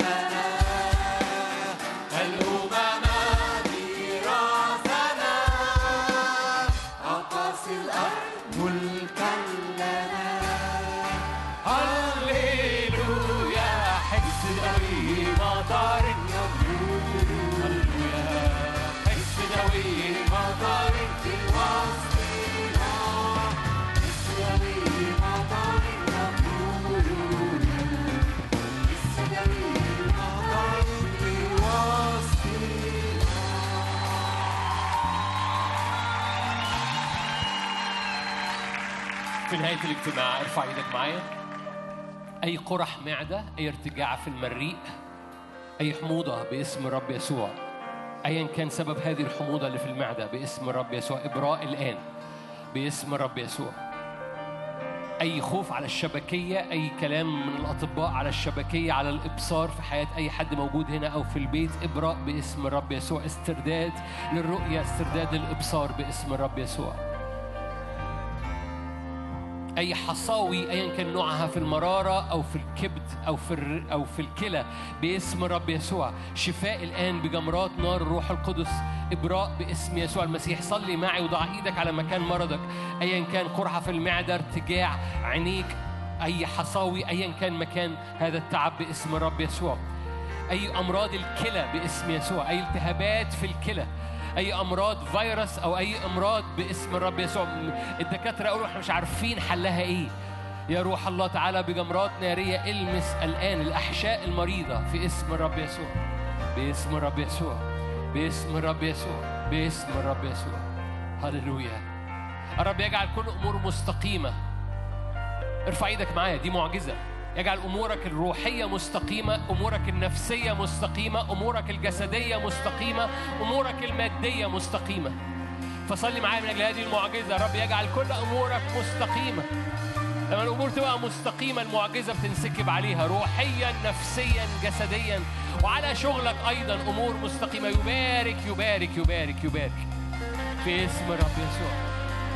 يجعل أمورك كلها مستقيمة. في اسم الرب يسوع. هللويا هللويا هللويا هللويا يرد سبل الحياة جواك. يضيء الرب وجهه عليك. يرفع الرب وجهه عليك ويمنحك سلاما. هنرنم الترنيمة دي بعدين مش في الاجتماع ده. بس استقبل هذه البركة الآن. على طريقك يضيء نور. على طريقك يضيء نور. على 24 ينور نور- يضيء نور على بيتك يضيء نور على قراراتك اللي جاية وعلى ارتباطك يضيء نور على استخدام الرب في حياتك يضيء نور. هنشتغل حاجات عملية في الاجتماع اللي جاي بس مبدئيا دلوقتي يضيء الرب وجهه يرفع الرب وجهه عليك يضيء نور في اسم الرب يسوع. محبة الله الآب ونعمة يسوع وشركة الروح القدس. آمين ثم آمين ثم